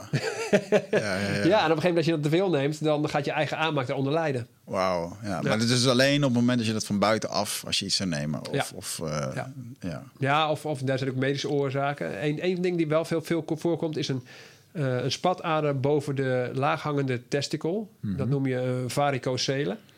Ehm, die heb ik zelf eh, ook gehad, maar die heb ik dicht laten zetten, zetten door middel van embolisatie in, eh, in het ziekenhuis. Ik voel hem, ik voel hem, ik doe het gewoon pijn. Ja, ja. Ja, want dat ding heb ik dicht laten zetten. En dat, hè, dat heeft 1 op de 10 mannen. Dus dat is best wel voor veel mannen interessant. En daarnaast is het testosteron eh, flink omhoog gegaan. Je merkt dat als eh, je testicles... als er al één slecht functioneert... dan laat je het totale niveau van testosteron daar al onder. Ja. Het is zelf ook de, de vraag van... goh, wat doen eh, warmte en, en, en, en strakke onderbroeken... als je daarmee slaapt? Wat doet het eh, uiteindelijk ja, ook met je testosteron? Ja, het moet uiteindelijk gewoon los in het bos hangen. Hè? Dat is het. eh, Nou ja, goed, ik merk vooral verschillen. Ik, als ik ze alleen maar ja, zonder onderbroek slaap en de vrijheid laat, dat mijn ochtenderecties in ieder geval er altijd zijn. Ehm, als ik dat niet doe in een te strakke onderbroek, dan zijn ze er niet. En de vraag is, komt dat door testosteron of komt dat er gewoon door ja, dat het los ligt en iets meer beweging heeft of zo, weet ik veel wat. Ja. Maar ja. het zal me niks verbazen. Hij zit hier te lachen. mooi. Ja, ik vind het mooi hoe je erover kletst. Ja, ik kan dus gewoon niet slapen met een onderbroek aan. Want dan heb ik echt een. eh, dan, dan word ik er dus wakker van. Want het allemaal in de weg zit. En dan ja, is irritant. Ja. Ehm, Geen rugslaper dus. nee, ik slaap op mijn buik. Ja, Ja. ja dan, dan is het slecht voor testosteron. Is dat slecht voor mijn testosteron? Grapje. nou, nou ja, is goed. Met, als ik die, zolang ik mijn onderbroek aan heb, ik word er wakker van, dan is het goed. ja, precies. Hey, en ehm, als je dan kijkt naar eh, de, eh, de depressie en somberheid die ermee eh, te maken heeft. Want depressie is wel echt een ding waar een, een hoop mensen vandaag de dag mee te maken hebben. Waarvan ik denk van wow, dat is wel... Is inderdaad slecht eten, mentaal niet goed in je vel zitten, weinig Heel zelfvertrouwen. En dan, eh, Dagritme is heel erg belangrijk. Ja. Eh, ook, ook dat hè, dus overdag wordt serotonine aangemaakt, s'avonds melatonine. Dat dat vervolgens op de juiste manier gebeurt. Daglicht zien. Hmm. Actief zijn wanneer je actief moet zijn. Eh, ik merk dat ritme is heel erg belangrijk. En daarnaast, als testosteron bij het ouder worden lager wo- wordt, dat, dat leidt toch bij veel mannen toch voor, tot depressieve klachten. Hè? De penopauze, dat hangt daar ook wel een beetje mee samen. ja. En er zijn heel veel dingen eh, noodzakelijk om lekker in je vel te zitten. Wauw, wauw. Ja, ik. ehm, depressie en somberheid is ook wel gewoon een hele moeilijk om dat natuurlijk ook te meten. hè. Wanneer is iemand depressief of wanneer noemt iemand zichzelf eh, somber? Ja. Eh, maar überhaupt al de opleving die ik van sommige mensen zie als ze dus al gewoon gaan sporten. Dat je gewoon Ja. binnen een week kan je jezelf echt 200% beter voelen. Door gewoon te bewegen en dat die machine in werking te zetten. Zeker, het maakt fijne stofjes vrij. Daarnaast eh, doet het nog veel meer. Hè. Je, je, kunt, je kunt socialer bezig zijn doordat je naar de gym gaat. Het kan zijn dat je een, een doel krijgt in je leven, wat natuurlijk belangrijk is. Het kan zijn dat je, dat je meer eh, ritme krijgt hè, als je een bepaalde tijd gaat trainen of dat soort dingen. Er, zitten, er worden heel veel behoeftes vervuld door te gaan trainen. Ja, ja. ja, en dan kom je eigenlijk op een. eh, Nou, ik zie hier een. eh, eh, gaat het even over ejaculeren. Eh, een onderwerp waar natuurlijk niemand over praat, maar wel, wel iedereen mee bezig is. iedere, man, iedere man die dit hoort. Ja, ik ben je- benieuwd, ik ben benieuwd naar. Ik heb daar geen, geen enquête eh, voor gedaan. Zou ik misschien eventjes, als die uit is, eventjes doen. Van, goh, hoeveel mannen heeft daar wel eens op gegoogeld? Van hoeveel, eh, hoeveel milliliter zou je moeten produceren? Als Pieter Noord in de porno, weet ik veel, vijf strepen van de meter knalt. Of misschien- wat meer. Ja, hoeveel is normaal? Eh, heb je daar dan ook in verdiept of dat dat... eh, ik ik heb wel eens gehoord dat heel die porno-industrie, dat is gewoon allemaal het is super nep. Ja, Natuurlijk zullen er uitzonderingen zijn waar, eh, waar het allemaal ontzettend groot is en, eh, en anders dan bij de rest. Ehm, maar over het algemeen, eh ook wel eens heb gehoord van iemand in een, in een podcast. Ik dacht, misschien bij Joe Rogan heb ik dat wel eens gehoord of zo. Maar in ieder geval gewoon dat alles strak staat van de pillen en spuiten en dingen en injecties die erin gaan. En eh, om met drie uur te kunnen filmen. Ja. En dat geeft natuurlijk een onwijs wazig beeld als jij 15 jaar bent en eh, je ontdekt het net allemaal. Zeker. En, eh, Ja, en het is natuurlijk ook zo, hè, als het om ejaculaat gaat, is, is de vraag van, er wordt altijd gezegd van, goh, dan zul je vruchtbaarder zijn als je meer e- ejaculaat heeft. Maar het zegt helemaal niks over de hoeveelheid spermacellen die daarin zwemmen. ja. Het is vooral prostaatvocht, eh, vocht, de hoeveelheid, die, die bepaalt uiteindelijk de hoeveelheid. En het kan zijn dat je, als je veel produceert, dat het ook heel waterig is. Ja. Dus dat, er zijn allerlei middelen ook op de markt waarbij dat geprobeerd wordt om je prostaatvochthoeveelheid te vergroten. Daarnaast moet je zeker zorgen voor een aantal uur voorspel. En het beste is natuurlijk, zeker in de, de, de, de vrijgezelle tijd, als je gewoon de hele avond tegen een vrouw zit te schuren en je mag net niet. Ja, dan maak je het meeste aan. Ja, en als je dan mag, dan... Uh... Ja, maar dat is toch, eigenlijk is dat heel logisch. Want je ziet van die vogels in de natuur die met een mooie paringsdansen en fladderen... terwijl het mannetje zit te wachten. Het is niet anders dan in de discotheek, jongens. Ja, het is je staat te wachten. En, dat je net eh, van Netflix afkomt en denkt van... oh ja, laten we nog even doen. Ja, dan, dat is natuurlijk anders. Ja, ja, ja. En dan, ja, moet ik zelf zeggen, denk ik van... jongen, jongen, dat, dat stelt ook helemaal niks voor. Ja, en kleur, is dat ook nog eh, van invloed op, op iets? Welke kleur? Nou, de kleur van je sperma. Uh, nou, vooral, vooral dikte, denk ik. Het wordt, wordt lichter als je meer, meer prostaatvlocht... Uh... Nou, ook grappig. En die, ik weet nog, vroeger keek ik dan... Ja, moest ik meekijken van mijn vriendin. En letterlijk moest ik, had geen keus. Uh, Sex in the City, weet je wel. En er werden hele ja. afleveringen werden hierover, uh, ging dat hierover, weet je wel. Ja. Hoe dat een of andere kerel klaar kwam als dat dan... Waarschijnlijk is het ook echt zo. Gebeurt het echt. Ja. Um, dan heb je het over... Uh, snel klaarkomen, komt hier ook nog bij. Mm -hmm. Ook zo'n ding waar veel op wordt gegoogeld. En, uh, en ook iets waar uh, veel mannen last van hebben. Uh, onder andere omdat je jezelf door middel van porno kijken traint. Hè, bij wijze van spreken, als je 16 jaar bent en je denkt, nou, ik ga dit even vier keer per dag. je, je maakt iedere ja, keer een sprintje van een paar minuten. Ja, natuurlijk, anders ben je de hele dag daarmee bezig. En dan vervolgens. Kom je werken toe. En dan vervolgens dan, dan kom je voor het eerst je, je meisje tegen. En dan denk je, nu ga ik het net doen als in die film. En dan heb je eigenlijk alleen maar sprintjes getraind. En wat denk je dat er dan gebeurt, weet je? Ja. En ik heb hier ontzettend veel over uh, gelezen van. Ja, dan word je er vervolgens onzeker over. Ja. En dan wordt het nog moeilijker om dat ja. Tegen te gaan. Plus dat er een hele spanning kan komen op je heupen, op je billen, op al die spieren die daaromheen zitten. Want uiteindelijk gaat het allemaal heel erg over het ontspannen. Dus uh, voor de mensen die hier wat meer over willen weten, raad ik je echt het boek aan. de testofactor. De testofactor sowieso. uh, maar ook uh, iets, iets spiritueler en Taoïstischer. Um, ja. um, Man Mantek Chia heet hij. En dat boek dat heet The Multi-Orgasmic Man. En in alle eerlijkheid, toen ik dat boek las... toen vielen er best wel veel dingen op zijn plek. Niet zozeer omdat het zo'n openbaring was... maar meer omdat ik gewoon in één keer begreep... hoe het menselijk systeem werkte. En wat heel veel mannen dus bijvoorbeeld doen als ze aan het vrij zijn... en inclusief ik zelf ook, want je wil het allemaal zo lang mogelijk uit kunnen houden is dat je helemaal gaat verkrampen, je adem inhouden, moeilijk doen, aan, aan schilders gaat denken in je huis en dat is de bullshit, of bij je oma, weet je wel. dat, en, en dat juist door die verkramping, dat het dan dus gebeurt. Ja, en allemaal van dat soort... Ja, je moet eigenlijk gewoon, gewoon zonder je vrouw, vrouw eerst even oefenen, denk ik. Ja, maar dat, dat, als je dus je eigen... Net niet klaarkomen. Wat hij mooi beschrijft is inderdaad die piek daarin. Ja. Uh, plus het, het leren kennen van je eigen systeem, weet je wel. En ik denk ja. dat een hele hoop mannen, en zeker toen ik ook 16, 17 was, wist ik veel wat ik voelde of wat er door me heen ging. Of alsof je dat gewoon nog niet begreep. Daar ben je gewoon te jong voor of zo.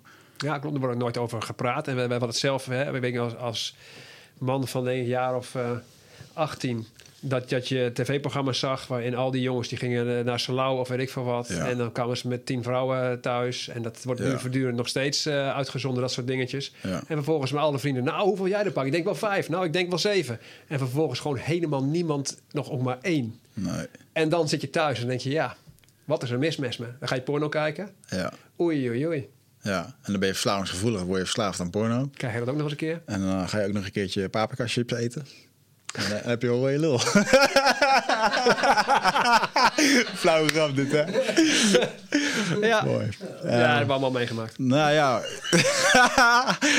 Zo'n goede grap dat. Um, maar het is inderdaad wel een ding. Nou, weet je, en... Um, het is net wat je zegt, er wordt ons niet over geleerd. Want als je dan kijkt over... Um, en dan hoeft het nog niet eens eigenlijk te gaan over uh, seksuele voorlichting, maar gewoon voorlichting over je eigen fucking lichaam, weet je wel? Hoe dat je daar het uiterste uit kan halen. En, uh, en dat stukje onderwijs, dat komen we zo tekort.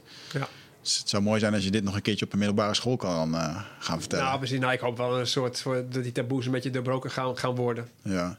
ja ik, ben, ik ben zelf er best wel uh, nu open over. Nou ja, goed, ik, ik vertel dingen die ik nu vertel, die had ik best wel graag ja, willen horen toen ik jong was, ja. denk ik. Zeker. Ja. en, maar goed, daarnaast uh, kan Pim Christiaans, die, uh, die, die, 60 plus is nu, mm -hmm. die kan weer vanuit andere generatie ervaringen vertellen. Ja.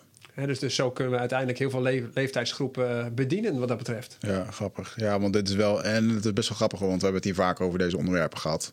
En uh, er komen nog best wel eens mailtjes binnen met mensen die dan toch nog even wat extra vragen. Of, uh, en dan, dan, gaat het. Het is wel mooi dat ze dan in één keer. Durf ik maar te vragen aan een onbekend iemand. Ja, van joh, hey, hoe was, was dat ene boek ook weer? Of dit of dat. Maar wat net over depressie trouwens. Ken jij de depressievorm die voorkomt na het klaarkomen? Oeh, nou ja, wel dat je natuurlijk gewoon uh, de downer krijgt dat je wil gaan slapen. En, ja, maar er zijn dus best wel wat mannen die, die flinke downer krijgen. Hmm en, en, en daar dus, de, dus nou, die, die op een gegeven moment dat je hebt over porno verslaafd en hopen dan vervolgens dat weg te rukken, als het ware. Ja. En daar eigenlijk de depressie erger van maken. Ah. dus dat is ook weer het gevaar van veel porno kijken. En als je daar gevoelig voor bent, kan het je ook in een soort depressief gevoel gaan. Uh, ja. En dat geldt eigenlijk voor, ook voor gokken en voor alle andere uh, dat soort booststofjes die vervolgens in een downer kunnen uitmonden. Dan ben ik wel benieuwd naar jouw visie op. Uh, want als ik dan even kijk vanuit het Taoïsme, dan zegt men, uh, nou, uh, dagelijks masturberen zou goed zijn. Voor, de, voor de aanmaak, voor je energieomloop en, en ook voor de kwaliteit van het, van het zaad. Um, maar ik geloof dat mannen tot en met 35 of zo, die zouden één keer in een week klaar moeten komen. Als je wat ouder wordt, één keer in de tien dagen. Daar hebben ze allemaal wat, wat dingen voor. Vond ik wel heel interessant. Is daar nog, heb jij daar iets in ondervonden, wetenschappelijk? Nou, wetenschappelijk ik zie niet dat, dat je uh, om de zoveel tijd moet verversen of zo. Dat, dat is uh, ter meerdere onderzoeken op dat, op dat vlak. Daar zie je geen uh, adviezen in dat je dat op een bepaalde manier zou moeten doen. Mm -hmm. Nee, zeker niet. Maar goed, ik denk inderdaad wel van... ja, je moet voor jezelf gaan kijken van... Goh, word ik er vrolijk van als ik het vaak doe? Ja. Of merk ik dat ik een soort moody word... en daarnaast ook van, goh, het is ook wel eens leuk om ergens naartoe te leven... in plaats van dat je jezelf altijd maar verwendt op bepaalde momenten wanneer je ja. even wat voelt. Wat ik ook wel interessant vond, je hebt ook zo'n Amerikaanse dude, uh, Sean Stevenson. Die zit heel erg op het, uh, ook zo'n fitnessmodel die heel erg op het slapen zit. En die beschrijft in zijn boek één, één ding voor die optimalisatie van jezelf. Dat noemde hij dan de Big O, oftewel uh, de Big Orgasm voordat je gaat slapen. En juist omdat er dan allemaal stoffen vrijkomen die je ontspannen en die, die dieper doen laten slapen. Ja, ik denk qua timing dat het wel, dat wel een goede is. Maar ik moet zeggen, de, de, de, denk als je een uh, Pornhub gaat vragen op welke tijden in Nederland wordt er gerukt. Ik denk nou, dat, dat is niet alleen maar vlak voor het slapen. Nee. Had je dat ook gezien toen het corona uitbracht? Dat, gewoon, eh, dat, die, uh, dat er 40% meer porno werd gekeken, door, omdat iedereen in één keer thuis ja, zat? Ja, ja. Ben je lekker thuis aan het werken? Ja, gaat goed hoor. oh, oh, oh. Ja, mooi is dat.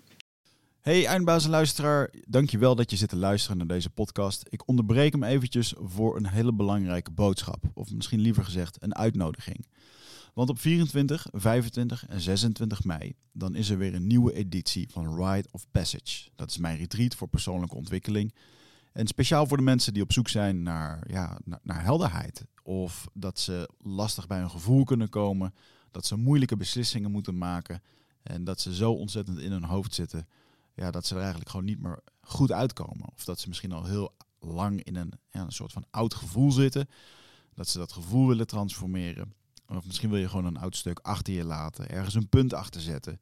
En ja, zoek je misschien heling op iets wat, wat je te lang hebt weggeduwd of, of hebt vermeden. daarvoor wil ik je uitnodigen op 24, 25 en 26 mei om in een retreat mee te doen waar de inhoud van het programma geheim is. Waar de belofte is dat het oncomfortabel wordt. Want jij begrijpt als geen ander dat als je die volgende stap wilt maken, ja, dan zul je uit de comfortzone moeten komen. En ik garandeer je, laat mij dat proces begeleiden met jou voor drie dagen. En je leven zal daarna nooit meer hetzelfde zijn. Gemiddeld beoordelen de deelnemers het met een 9,2. En daar ben ik ontzettend trots op. Er is ook een money back guarantee. Heb je de drie dagen vol, volbracht en vind je het niks, krijg je gewoon je geld terug. Dus het enige risico wat er is, is dat je gelukkiger kan worden. Ik zie je Bride of Passage. Ga naar wichertmeerman.nl en klik op Retreat. Um, Mag ik een vraag stellen? Ja, tuurlijk. Ja. Um, want ik heb als periodes ook langere tijd dat ik niet zeg maar, klaargekomen ben. Man, wat een energie, jongen. Gewoon daarmee geëxperimenteerd. 25 dagen, 28 dagen. Nou, ik wil gewoon de muur heen slaan. Hoe komt dat dan? Dan moet je de vraag, ja. even, moet je de vraag even halen, want de luisteraars ja, dus hebben natuurlijk niet, de vraag krijg je inderdaad een vraag over hè, als je heel lang niet klaarkomt. En een voorbeeld van, van uh, tot bijna een maand aan toe, dat je dan heel veel energie hebt, dat je bijna door de muur heen kunt, als het, als het ware. Nou, ik, ik, ook in het, dag, in het dagelijks leven met dingen, meer dingen voor elkaar krijgen. Ja, dat je, dat je zegt van, goh, je krijgt meer voor elkaar als je dat minder doet. Ja, ik, ik denk dat, je dat, eh, dat mensen dat wel eens moeten uittesten, mannen. Hè, van, goh, wat we, hè, dat, eh, wanneer functioneer ik eigenlijk heel erg goed? En misschien dat het korte termijns geluk, het lange termijns geluk al in de weg staat. Ja. Ja, Ja. Ik heb het wel eens een... eh, hoe vertel ik het? Hè? Vechters doen het ook allemaal. Vechters doen het voor het vechten. Omdat je, ja, ja. Nou ja, ik ken ook vechters die eh, voor de wedstrijd nog eh, ergens in een kleedrok eh, stonden. Omdat ze dat eh, weer een soort van als aan, aanwengsel Ja. hadden. Maar een hoop vechters, gewoon omdat, omdat testosteron maakt je ook wel agressiever. Ja, er zijn ook een aantal hele rare conclusies als het gaat om testosteron. Als je naar onderzoeken kijkt, is dat je wanneer je eh, single bent eh, of, en meerdere partners hebt, dat je testosteron hoger is dan wanneer je monogaam bent, eh, getrouwd, en kinderen hebt, maakt het nog lager. Ja. Dat is ook een leuke discussie. Daar wil ik natuurlijk geen advies aan, aan hangen, maar het is wel interessant om dat, om dat natuurlijk te zien. ja, is dat niet gewoon omdat je dan op jacht moet om een partner te vinden? Ja, dat zal, dat zal zeker, zeker schelen. En de vraag is, is dat gezonder dan op het nest netjes... Ja. Ja.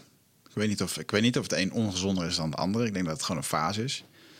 Ja. Ik weet wel dat ik zelf, toen, ik, eh, toen mijn relatie uitging en ik eigenlijk echt een diepe eh, in een alleen maar aan het werk was, hard, aan een, eh, hard naar die burn-out aan het toewerken was, dat ik bijna een jaar eigenlijk geen seks heb gehad. En eigenlijk gewoon een jaar lang celibaat, zoals je dat dan noemt, hè, echt ben geweest. En ik, had er ook gewoon ook mede omdat ik gewoon mezelf zo de vernieling aan het werk was dat ik er ook geen behoefte aan heb. Maar achteraf is het een van de beste manieren geweest om. eh, want uiteindelijk, toen ik echt eh, ingestort was, je, moet jezelf gewoon opnieuw leren uitvinden. En eh, ben ik daar eigenlijk heel erg dankbaar voor dat ik dat zo heb ervaren. Ik had er ook helemaal geen behoefte meer aan of wat dan ook. En dat hoor je dan wel eens als mensen vrijgezel raken, dat ze dan meteen, oh, meteen weer op dating sites en dingen en, en Tinders en zo. Helemaal niet. En eh, eh, heeft me eigenlijk heel veel gegeven. Gewoon een jaar niet. En dan zullen sommigen denken van ja, een jaar, ben toch een gek, weet je wel. Maar nou ja, je ziet het in heel veel culturen zien er terugkomen. Dat heel veel, eh, ook uit spiritueel oogpunt, ook uit een soort van zuiveringsoogpunt, ehm verslavingsoogpunt, weet je wel. Oh, dat absoluut. Ga dat maar eens aan. Want degenen die nu denken van ja, dat kan ik echt niet. Ja, dan moet je misschien maar eens afvragen waarom, waarom kan je dat niet? Is daar een bepaalde reden voor? Waarom hang je vijf keer per dag achter je computer? Of, of, of één keer per week of weet ik veel wat, weet je? Vraag het, stel jezelf die vragen. Ja. En eh, ja, kan Maar jij vijf keer per dag dus achter de computer. nu? ja, ja, of je noemde, maar dat was zo'n duidelijk getal. Ik denk vijf keer, ja. Nee, nou, ik weet wel dat op een gegeven moment toen ik, eh, toen ik jong was eh, en de computer en computer had, ja, dan ja, ik denk wel dat ik op een gegeven moment een, een vorm van een pornoverslaving heb gehad. Ja. Ehm, En ik denk dat dit anderzijds, veel ben ik, voorkomt. anderzijds ben ik daar ook weer radicaal eh, op een gegeven moment weer mee gestopt. Dan, dan, zo is weer het ook wel. Ik ben niet heel erg, nou dat is stom om te zeggen, ik, ik ben wel. vers- is, iedereen is wel verslavingsgevoelig op een manier. Ik denk dat mijn verslaving vooral zit in eh, veel werken, prestatie leveren. Dat zijn verslavingen van mij. Anderzijds heb ik natuurlijk ook wel gewoon mijn verslavingen gehad. Als bijvoorbeeld dan een, eh, eh, ja, eh, de pornoverslaving tijdelijk als je jong bent. Of de, de uitgaansverslaving. Of verdovende middelen of wat dan ook. Maar kon ik ook altijd acuut kon ik daar weer mee kon ik daar uitstappen. En ehm, eh, ik denk dat een hele hoop... je hebt nu ook een beetje die no-fap-beweging, toch? ja. Oftewel dat je eigenlijk celibaat door het leven heen gaat. Om, ik weet niet precies wat daar de achterliggende gedachte Nee, van is. Maar niet, niet die hand aan jezelf slaat. Nee, Ja. ook niet. wat vind jij daarvan? Is dat een goede beweging volgens jou? Nou, ik denk dat het best wel goed is om af en, af en toe te ontgiften wat dat betreft. Ja. Ja. Hangt ook wel echt een Ja. taboe over, weet je wel? Van, ja, dat is eh, zo. ik ik, Michel zei dat toch nog laatst. Dat, eh, toen haalde ik hier iets aan van Dr. Phil, waar ik graag naar luister. In zijn podcast is echt heel goed. En dat Michel zei, ja, die heeft ooit een keertje op een televisieprogramma... een of andere eh, gast op een hele christelijke manier eh, lopen vertellen... Van, eh, dat dat niet mocht en eh, bla, bla, bla. Weet je? Ja. Dat is zo'n discussie, jongen. Ja, en ook altijd in de politiek, hè. In Amerika gaat men hier ook altijd... hebben ze het ook over dit Ja, soort dingen. Proberen ze elkaar... Maar goed, hoe meer het gaat verbergen, hoe meer erop op ge- gezocht wordt. Ehm, daarnaast, je merkt mannen die, die, die doen heel vaak hè, stoer en makkelijk over dingen. En bijvoorbeeld een ander thema is mannelijke kaalheid, waar ik natuurlijk veel vragen over, Ja. Over krijg. Ja, en dan een zegt ja, scheren en het is allemaal prima. En de andere die heeft daar gewoon echt, echt psychologisch heel veel last van. Ja. Dat, dat, eh, Ja, als je het hebt dan over, ik ben, dat is wel stom hè, dat enerzijds kan ik best wel, eh ja, we hebben het dan over persoonlijke groei, persoonlijk leiderschap, jezelf accepteren. Nou, er zijn natuurlijk heel veel, heb mijn eigen reis ook al ingemaakt. Ehm, iemand laat borstvergroting doen. eh, accepteert zichzelf dus eigenlijk niet. Vind, vind ik een hele moeilijke kwestie, want iemand moet het helemaal voor zichzelf weten. Maar anderzijds, ja, ik, mijn haar is ook niet meer wat het is. En ik, ik zit er echt wel eens aan te denken, van, als dit nou nog echt heel veel meer wordt, zou ik er misschien best wel voor kiezen om gewoon haartransplantatie te doen. Ja, ben ik dan hetzelfde aan het doen als iemand die borstvergroting doet? Valt het in Ja. dezelfde categorie? Ja, hè? Tuurlijk. Probeer het jezelf goed te praten voor mezelf. Ja. Nee, maar goed, hè, dit is ook, ook, ook een lastig iets. Ik, ben, ik heb zelf, eh, ik had met tanden die, die scheef stonden en kort. Ik heb een paar facings overheen gedaan met tanden. Mhm. Eh, daarna ben ik, eh, ik kreeg ik blijkbaar een leuke lach. Toen ben ik fotomodel geworden. Eh, ik kreeg veel waardering, ik kreeg vrouwen, alles door, door die. En ik weet zeker, dat was met, met hè, dat ik niet had gedaan, dan had ik, had ik dat niet gehad. Ja, Je bent wel een, stu- een stuk. Anderen gaan anders naar je kijken, waardoor je andere reacties krijgt. Ja. Waardoor je zelf soms ook jezelf beter kunt voelen. Alleen het moet nooit. eh, als je naar, in de spiegel kijkt, moet je jezelf vervolgens alleen maar accepteren als je. Ja. Ja, het is een last, lastig iets hoor. Ja, ik vind het ook. Ik had mijn vriendin had ik zo'n eh, bon gegeven bij Soap eh, in Amsterdam, weet je wel, pedicure eh, ding. En dan zit er zo'n meisje van 20 die dat dan loopt te doen. En dan lopen de mensen naar boven voor een botoxbehandeling van 20 jaar. Zo, what the fuck, weet je wel. Je bent 20 man, je ziet er Dat nog noemen ze helemaal... dan preventie. Ja, ja, zo wordt het dan. En er staat Ja. er ook nog een gast in een witte jas. Die staat het dan te injecteren, weet je wel. Zo, Baby botox. je bent gewoon fucking naar een cursus geweest in Amerika. En je bent dit nu aan het doen, weet je wel. Echt zo ontzettend slecht. Ja, terwijl die spieren steeds zwakker worden en eens kijken wat het over 30 jaar doet. Ja, Die slappe spieren. ja. Ja. En hetzelfde ook met die, ik moest een keertje zo lachen. Ik moet hier een beetje mee oppassen over wie ik het dan heb. Ja, pas op joh. Maar, eh, Maar niemand luistert dit joh. Zeg maar gewoon. Nee, dat klopt ook wel. Nee, ik, heb, ik, ik, ik, ik moest er zo om lachen dat een, vriend, een vriendin van een vriend van mij... die, eh, zit al, die zat in de ehm tandenbleek business. En eh, dat hij op een gegeven moment ook echt compleet een ander beroep... Gewoon makelaar, weet je wel. Dat hij op een gegeven moment zei, ja, ik heb ook zo'n cursus gedaan. Ik doe het nu ook af en toe. Is gewoon lachen. Doe ik zo'n witte jas aan. Echt zo, wow. Ja, je kunt dus gewoon twee avonden zo'n cursus volgen. En dan ben je een tandenbleek is specialist. ook zo. Maar dat geldt ook voor, voor sommige haarspecialisten. Die focussen alleen maar op de kaalheid. Ja, En dan gaan ze vervolgens met zo'n apparaatje kijken hoeveel implant je hebt op bepaalde plekken. En dan gaan ze daar allemaal conclusies aan, aan verbinden. Misschien mogen ze ook nog wel kijken, heb je voldoende ijzer of weet ik veel wat. ja, Eh, en dan krijg je een advies over, over Ja. je, van een haarexpert. ja. Ja. Ja, waar bij mij denk ik een beetje de grens in zit, eh, is dat. ehm, ehm, ga je echt iets van plastic in je lichaam doen of van gel erin laten spuiten? Of is het je eigen haar wat ergens wordt neergeplant? Ja. Voelt voor mij iets anders. Gewoon omdat ik ook eh, een relatie met iemand heb gehad die waarschijnlijk een auto-immuunziekte heeft gekregen van een borstvergroting. Ja. Door de plastic deeltjes die ervan afkomen en zo. En eh, eh, dat heeft me wel aan het denken gezet. want Dat is inderdaad een, heftig, eh, zeker een verschil. Hè? Want ik, je ziet best wel wat, ook zeker in de beginfase, complicaties van eh, iets onnatuurlijks in jezelf zetten. Waardoor we in één keer een rare uitslag krijgen en dat soort dingen op de huid of noem maar op. Ja, Maar goed, je kunt dus ook op het immuunsysteem een andere reactie krijgen op de langere termijn. Ja, ja. het is ook experimenteel hoor. Ja, ja. Ehm, dan lees ik hier nog een aantal dingen. De prostaat, dat is zeker bij de, eh, bij de ouderen. Prostaatkanker komt steeds vaker voor. Ja. Heeft dat ook te maken met de testosteron? Ehm, de, de testosteron is zeker een belangrijke factor, maar vooral ook de tegenhanger eh, oestrogeen. Hè, vaak wordt alleen maar gezegd van uh, prostaatgroei, dat heeft te maken met testosteron en het mannelijke hormoon. Maar we zien dat het vrouwelijke hormoon oestrogeen ook wel een behoorlijke werking op dat vlak heeft. Ja, en en da- daar krijgen we eigenlijk steeds meer van. Ehm, ja, daarnaast natuurlijk ook de, de, de vraag van, van goh, eh, ja, wanneer is het ernstig, wanneer niet? Je hebt natuurlijk allerlei metingen, PSA-waarden die, eh, die artsen vervolgens gaan, gaan meten, die nou ja, niet zo super specifiek is als die misschien eh, wel, wel lijkt. Hè. Je moet soms ook daar een check van gaan doen. En dat is ook van die leuke dingen om het over te hebben. Hè. De rectale controle, Mhm. hè, waarbij je vinger eh, de- van achter naar binnen gaat. Nou ja, goed, daar hebben mannen het ook vrij weinig over. Alleen ja, als je ouder wordt als man, dan eh, zal die, die prostaat in de meeste gevallen wel wat groter worden. ja, En, en dan is het wel iets om in de gaten te gaan houden. ja. In, en ehm, wat heb je dan, ehm, wat ik vaak heb gehoord, is dat het dat kankercellen ook ingekapseld daar kunnen zitten, of dat dat veel voorkomt daar. Ja, Of je dat natuurlijk een goedaardig en kwaadaardig. Hè. Als het Mhm. niet vers- verspreidt, is natuurlijk wel een, een groot verschil. Ehm, alleen vergroting alleen van de prostaat wil niet per se zeggen dat er cellen rare dingen gaan doen. Ja, dus het kan ook gewoon goedaardig zijn. En, ja, en er zijn dus ook zelfs vormen van eh prostatitis. Dat is dus ontsteking van de prostaat. En dat, Mhm. dat komt ook voor.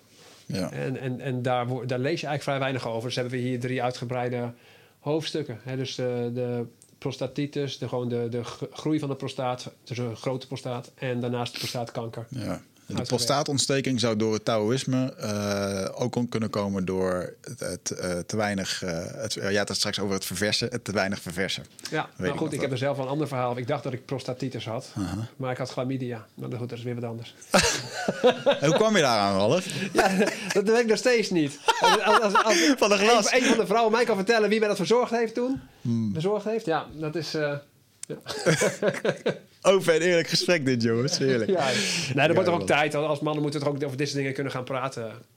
Ja, zeker. Als, eh, ja, er is gewoon een grote boel over. En, Ja. eh, hey, en ehm eh, dit zijn er ook twee goede. Roos en scheten laten. Hmm. Wat heeft roos te maken met testosteron en scheten? Nou, met name de, de roos is soms vet. En met name de talg, het talg die je aanmaakt, heeft ook weer met eh, testosteron te maken. Mhm. En de combinatie, en met mannen heb je meer testosteron, maar de combinatie van testosteron aanmaak, eh, waarbij je talg krijgt. En daarnaast ook laaggradige ontsteking in het lichaam. Mhm. Dat kan voor acne zorgen, maar ook voor roos.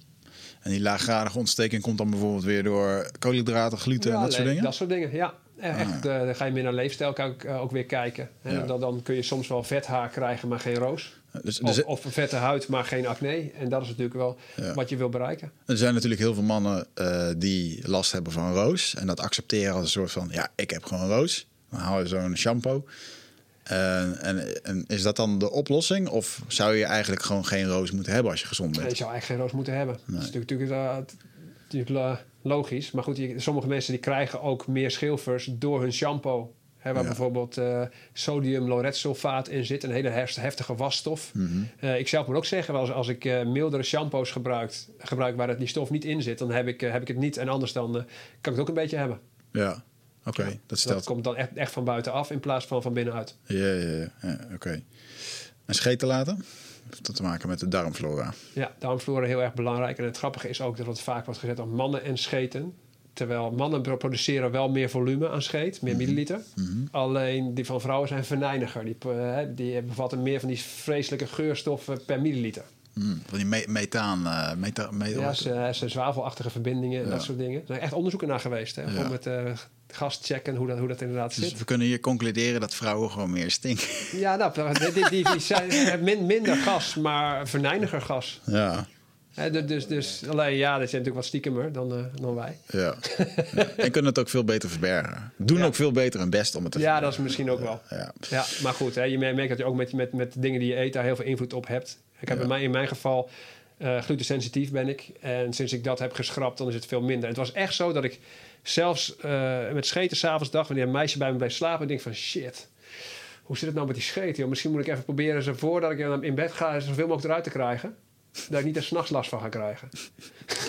Mooi hè? En daar heb ik nou mijn glas meer van. Ja. Dat is lekker. Ja, ik vind het wel heel mooi. Dit waren dus de gedachten van iemand die dan op de frontcover van Men's stond. Ja. Waarvan iedereen denkt, ja, zo wil ik ook zijn, weet je wel. ja, mooi hè? Leuk. En ehm, eh, het slaapapneu en snurken. Je, je zei het net al, hè, dat op je buik slapen, dat zou dan sle- wat slechter zijn voor de aanmaak.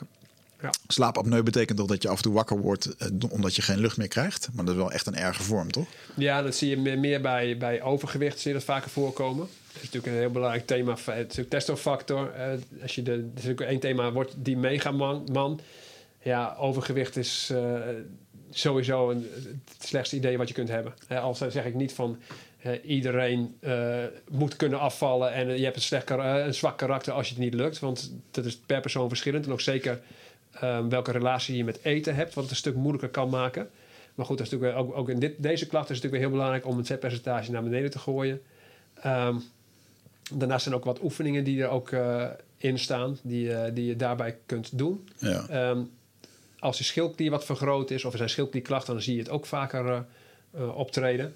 Maar goed, we hebben vaak algemene brede leefstijladviezen en dan aangevuld. En eigenlijk is dit de testofactor leefstijl, die voor eigenlijk bijna alles goed is. Aangevuld met specifiek voor die klacht een aantal extra eh, adviezen. En ook vooral bieden we heel veel begrip eh, hoe het werkt met zo'n klacht, waarom zoiets ontstaat. Ja. En, en, begrip kan er ook voor zorgen dat je dan ook eh, vertrouwder bent en gemotiveerder om op een bepaalde manier te gaan leven. Ja.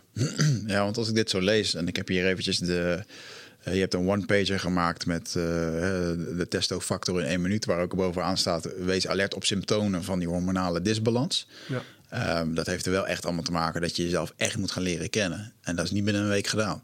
Nee, maar goed, het is ook, je moet jezelf ook, ook je moet het zo belangrijk vinden en je moet zo gemotiveerd zijn dat je ook bereid bent om het dus echt goed aan te gaan pakken. Ja. Dat is eigenlijk zelden zo. Hè? Hoeveel mensen gaan nou bij zichzelf kijken van, goh, waarom zou ik nou gezond willen leven? En dat, en dat ook echt voor zich zien. Meestal is het zo van, hé, hey, ik heb nou toch wel last van die, uh, die buik die over mijn riem komt.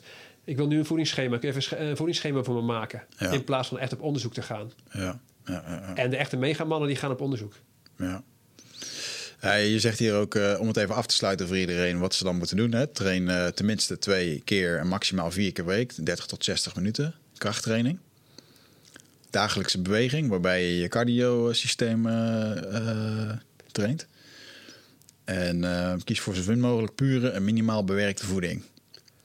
Heb je het ook geschreven in een soort van vorm van belangrijkheid of niet? Nee, of is het dit gewoon echt 15 dingen? Nee, die echt je, kunt, je kunt dat nooit doen, want voor de een is het ene belangrijk en voor de ander de andere. Ja, ja.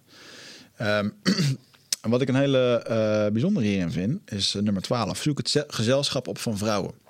Dus dat gewoon de energie van vrouwen, de pheromonen, die, uh, die ervoor zorgen dat, dat wij meer testosteron gaan produceren? Ja, absoluut. Ja, dat blijft toch een soort oerding wat, ja. wat je ook in, in, onderzoek kunt zien. In een bloedtest kunt meten. Ik moest altijd lachen als ik dan bij mijn vorige bedrijf, er zaten 35 medewerkers, veel programmeurs, allemaal mannen werkte er toen. En als er dan een keer een vrouw binnenkwam, Zo. dan ging de deur open en dan werd in één keer de deur open gehouden. Er werd water gehaald, dingen, weet je wel. Je, je, zag gewoon de energie veranderen. En op een gegeven moment kreeg ik een uh, vrouwelijke stagiaire. Ja, die had het druk, jongen. En niet meer werken, weet je wel. Alleen maar die gasten afhouden die even kwamen kletsen en doen. En uh, ja. moest om lachen. Maar iedereen herkent dit, denk ik. Wanneer er vrouwen binnenkomen, komt wat er met mannen gebeurt. Ja, ja zeker. En, uh, en wat er dan eigenlijk gebeurt, en dat schrijf je mooi uh, als tip: uh, sta rechtop met je schouders naar achteren, gedraag je als een winnaar. Ja. Dat doet me een beetje denken aan een mevrouw die heeft ook een TED-talk hierover gegeven. Dat als jij op de wc gaat staan voor een talk en je doet je handen in de lucht alsof je jezelf groot maakt, zo, dat dan je testosteron al omhoog zou gaan. Qua, ja. dat, dat is dit ook, wat je hier beschrijft? Absoluut. Of is dit een andere? Ja, nee, dat is zeker. eigenlijk het, hetzelfde idee. Ja. ja. Power pose. Dat is ook echt zo van, het heet mooi vergelijken als we toch over Schwarzenegger hadden. dat hij inderdaad een uh, andere bodybuilder, een kleine bodybuilder, uitlegde hoe die moet poseren. En dat hij zich, eh, zichzelf juist klein maakt in plaats van groot. En dat het totaal anders overkwam met de jury. En uh, ja, dat is eigenlijk, eigenlijk weer hier toepasbaar. Ja, ja hij, deed, hij deed heel veel mental warfare ook hè, met anderen. Dat hij zei van, hey, heb je benen niet getraind of zo? ja, mooi hè? Kut, weet je, altijd iemand dat zegt, net voor de wedstrijd. Ja. Mooi. Hey, en uh, nou ja, mijt chronische stress, dat lijkt me logisch. En uh, wees ambitieus. Ja, dat vind ik toch ook wel bijzonder, hè? Dat gewoon, uh, af en toe denk ik wel eens, moet ik het hier nu nog wel over hebben? Als ik bijvoorbeeld op een podium sta. Jongens, ik moet doelen stellen, weet je wel. En dan zie je mensen kijken met grote ogen. Ja. doelen? Sommigen stellen ze in de weerstand. Ik had de laatste zelfs eentje, die zei, dan was ik er twee uur over bezig. En die zei, hoe, waarom moet ik nou doelen stellen van jou? Ik ben toch gewoon gelukkig, weet je wel. Helemaal ook in een soort van aanvalmodus. Ja, ja. je moet niet naar mij luisteren. Als je gelukkig bent, dan is het goed, weet je wel. Ja, maar dat is tijdelijk. Op een gegeven moment dan heb je toch een doel bij nodig. Ja. En ja, ik heb ook wel eens het moment dat je even in een rustig vaarwater zit... en dat je net een doel bereikt hebt. Prima, maar goed, op een gegeven moment dan, dan gaat het toch weer, weer kriebelen. Ja, en dit heeft er dan gewoon mee te maken dat je uh, een doel hebt... dat je er naartoe werkt, dat er overwinning voelbaar is... en dat dat uiteindelijk ook weer je testosteron omhoog... Ja. Uh, Waar man. Ja, het is een flink boek. Een paar honderd pagina's. Uh, ja, ik ben er echt blij mee. En het is ook voor, het, voor, het, eerst dat het echt uh, hardcover is van, van de Hormoonfactor serie. Dus je kunt een flinke map mee uitdelen. Ja. ik ja. vond het echt leuk om gisteren voor het eerst in mijn handen te, te ja, hebben. Tof. Ja, dus het is nu rond. Waar, waar kan men het kopen? Ja, de, op allerlei plaatsen. Gewoon uh, uiteindelijk in de winkel hoop ik dat ze ook ruim liggen met stapels bij de, bij, bij de toonbank. Ja. Dat hoop ik eigenlijk. Anders moeten ze even bellen, dat toch? Dat ze die dan uh, ja. moeten bestellen. Ja, Precies. Ja, zeker ook via de boekhandel is altijd leuk. Ja, mooi. Ah, tof man. Uh, um, laten we het eventjes uh, voor zover hebben over je boek. Ik ben wel eventjes benieuwd naar um, jouw visie op de, op de huidige ding. Want je, je zit natuurlijk helemaal in de gezondheid. Um, je bent bezig met producten en dingen. En we hadden het net al een beetje over wat er nu in het coronatijdperk uh, wordt geadviseerd. En dat er best wel veel adviezen worden gegeven. Bijvoorbeeld gisteren is bekend geworden dat sportscholen niet open mogen tot, uh, tot 1 september. Ja, maar je mag wel bier en bitterballen gaan, uh, gaan drinken en eten En alle respect Ja. naar de horeca, want ik, al, het is allemaal kloten voor ieder ondernemers. Maar als het gaat om gezondheid, wat is jouw visie? Ja, dat is ook eh, raar, hè? Want de, de, de befaamde uitspraak van Rutte... dat gezondheid belangrijker is dan economie, eh, eh, de volksgezondheid. Alleen volksgezondheid lijkt meer te gaan over eh, te voorkomen dat mensen doodgaan... in plaats van dat mensen optimaal in shape zijn. Mhm. Het is natuurlijk een totaal andere manier van, van, eh, van kijken. Ehm, ja, sportscholen dicht, dat- zonder daarbij te zeggen eh, welke overwegingen daar zijn. Het hele RIVM is totaal niet transparant. Je kunt hun bronnen niet eens inzien waarop ze hun conclusies trekken. Ja. Eh, en als je nu na gaat denken van, goh, waarom die, die niet en, die, en eh, de, de sportschool niet en de, re- de andere weer wel. Ja, dan kun je eigenlijk alleen maar nadenken over hè, bijvoorbeeld eh, dat je meer luchtverplaatsing hebt bij je adem en dat soort dingen. Ja. Misschien dat daar meer druppeltjes eh, de lucht in gaan. Maar dan vind ik dat je dat eerlijk moet communiceren. En dan moet je de, de sportscholen ook de kans geven om oplossingen aan te bieden. Ja. Ja, want je, je kunt ze niet gewoon nog maanden dicht laten. Omdat ik, ik weet heel veel vrienden van mij die, die ja, staan op het punt van, van omvallen. Die, die ook sportscholen hebben. Dat eh, doet me zeker pijn. ja, begrijp ik wel. Ja, dus ik, ik hoop dat dat eh, hè, de, de, voor iedereen het allemaal gelijk gaat worden. Hè, Want het wordt totaal... Dus ik heb het idee dat ze, ze doen maar wat. Het is echt... ik, Ja. ik kijk mijn ogen uit. Ik zag het toevallig, eh, ik zat vanochtend even op de website te kijken en eh, het ging erover waarom sportscholen niet meer eh, geopend mochten worden. Het ging over omdat het inderdaad in de, in de lucht zou blijven met ventilaties en dat soort dingen. Ehm, ik weet niet wat ze er nou precies over hadden, maar in ieder geval ik las het en ik dacht echt van ja, wat een echt een... Ja, en dat kun je ook niet bij, bij, je moet bij iedere sportschool natuurlijk apart bekijken. Ja, want je hebt sportscholen die, die, zijn, die, hebben, zijn zo hoog. Dat zijn van die fabrieksgebouwen. Dat, dat, is een heel ander verhaal dan een, heel, ja, dan een of andere kelder waarbij je met heel veel leden zit. Ja. Ja, wat ik hier ook echt in zie, dan hebben ze een of ander pakket eh, van 90 miljoen. Dat wordt eh, een steunpakket voor sportverenigingen. Wordt de huur kwijtgescholden voor de periode van 1 maart tot 1 juni. Ehm, Ja. Deze financi- financiering loopt via de gemeente, omdat deze degene zijn die de huur van sportverenigingen in. En dan denk ik, ja, maar we hebben het hier niet over alle personal training gyms, crossfit boxen en dat soort dingen. Nee, er vallen er heel veel buiten. En daar komt dan 20 miljoen voor beschikbaar. Voor amateurverenigingen die de accommodatie zelf of gedeeltelijk in bezit, hebben. En dan komt er een eenmalige tegemoetkoming van 2500 euro maximaal. Ja. Fuck man. Ja, ik weet nog wel dag één. We zouden allemaal gecompenseerd worden. Ja. Werd er gecommuniceerd in de persconferentie. En dat, dat zal ik ze nooit vergeven. Echt nooit. Ja, dat is niet, ik, ik, ik val niet in de regeling. Nee, ik val er ook eh, buiten. Ja. Ik, ik, ben geen ZZP'er. Ehm ik heb een BV.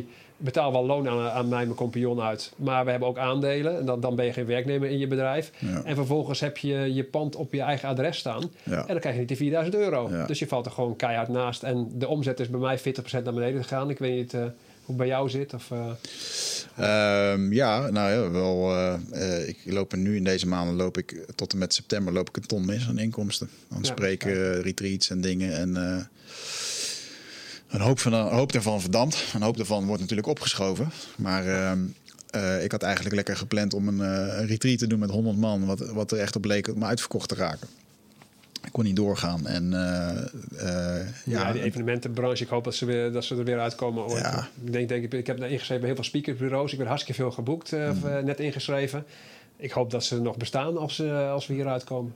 zullen een hoop omvallen inderdaad, ja. En het online, online is natuurlijk wel een optie. En straks, oké, je mag dan meer dan met 100 mensen, mag je wel weer eh, dingen doen.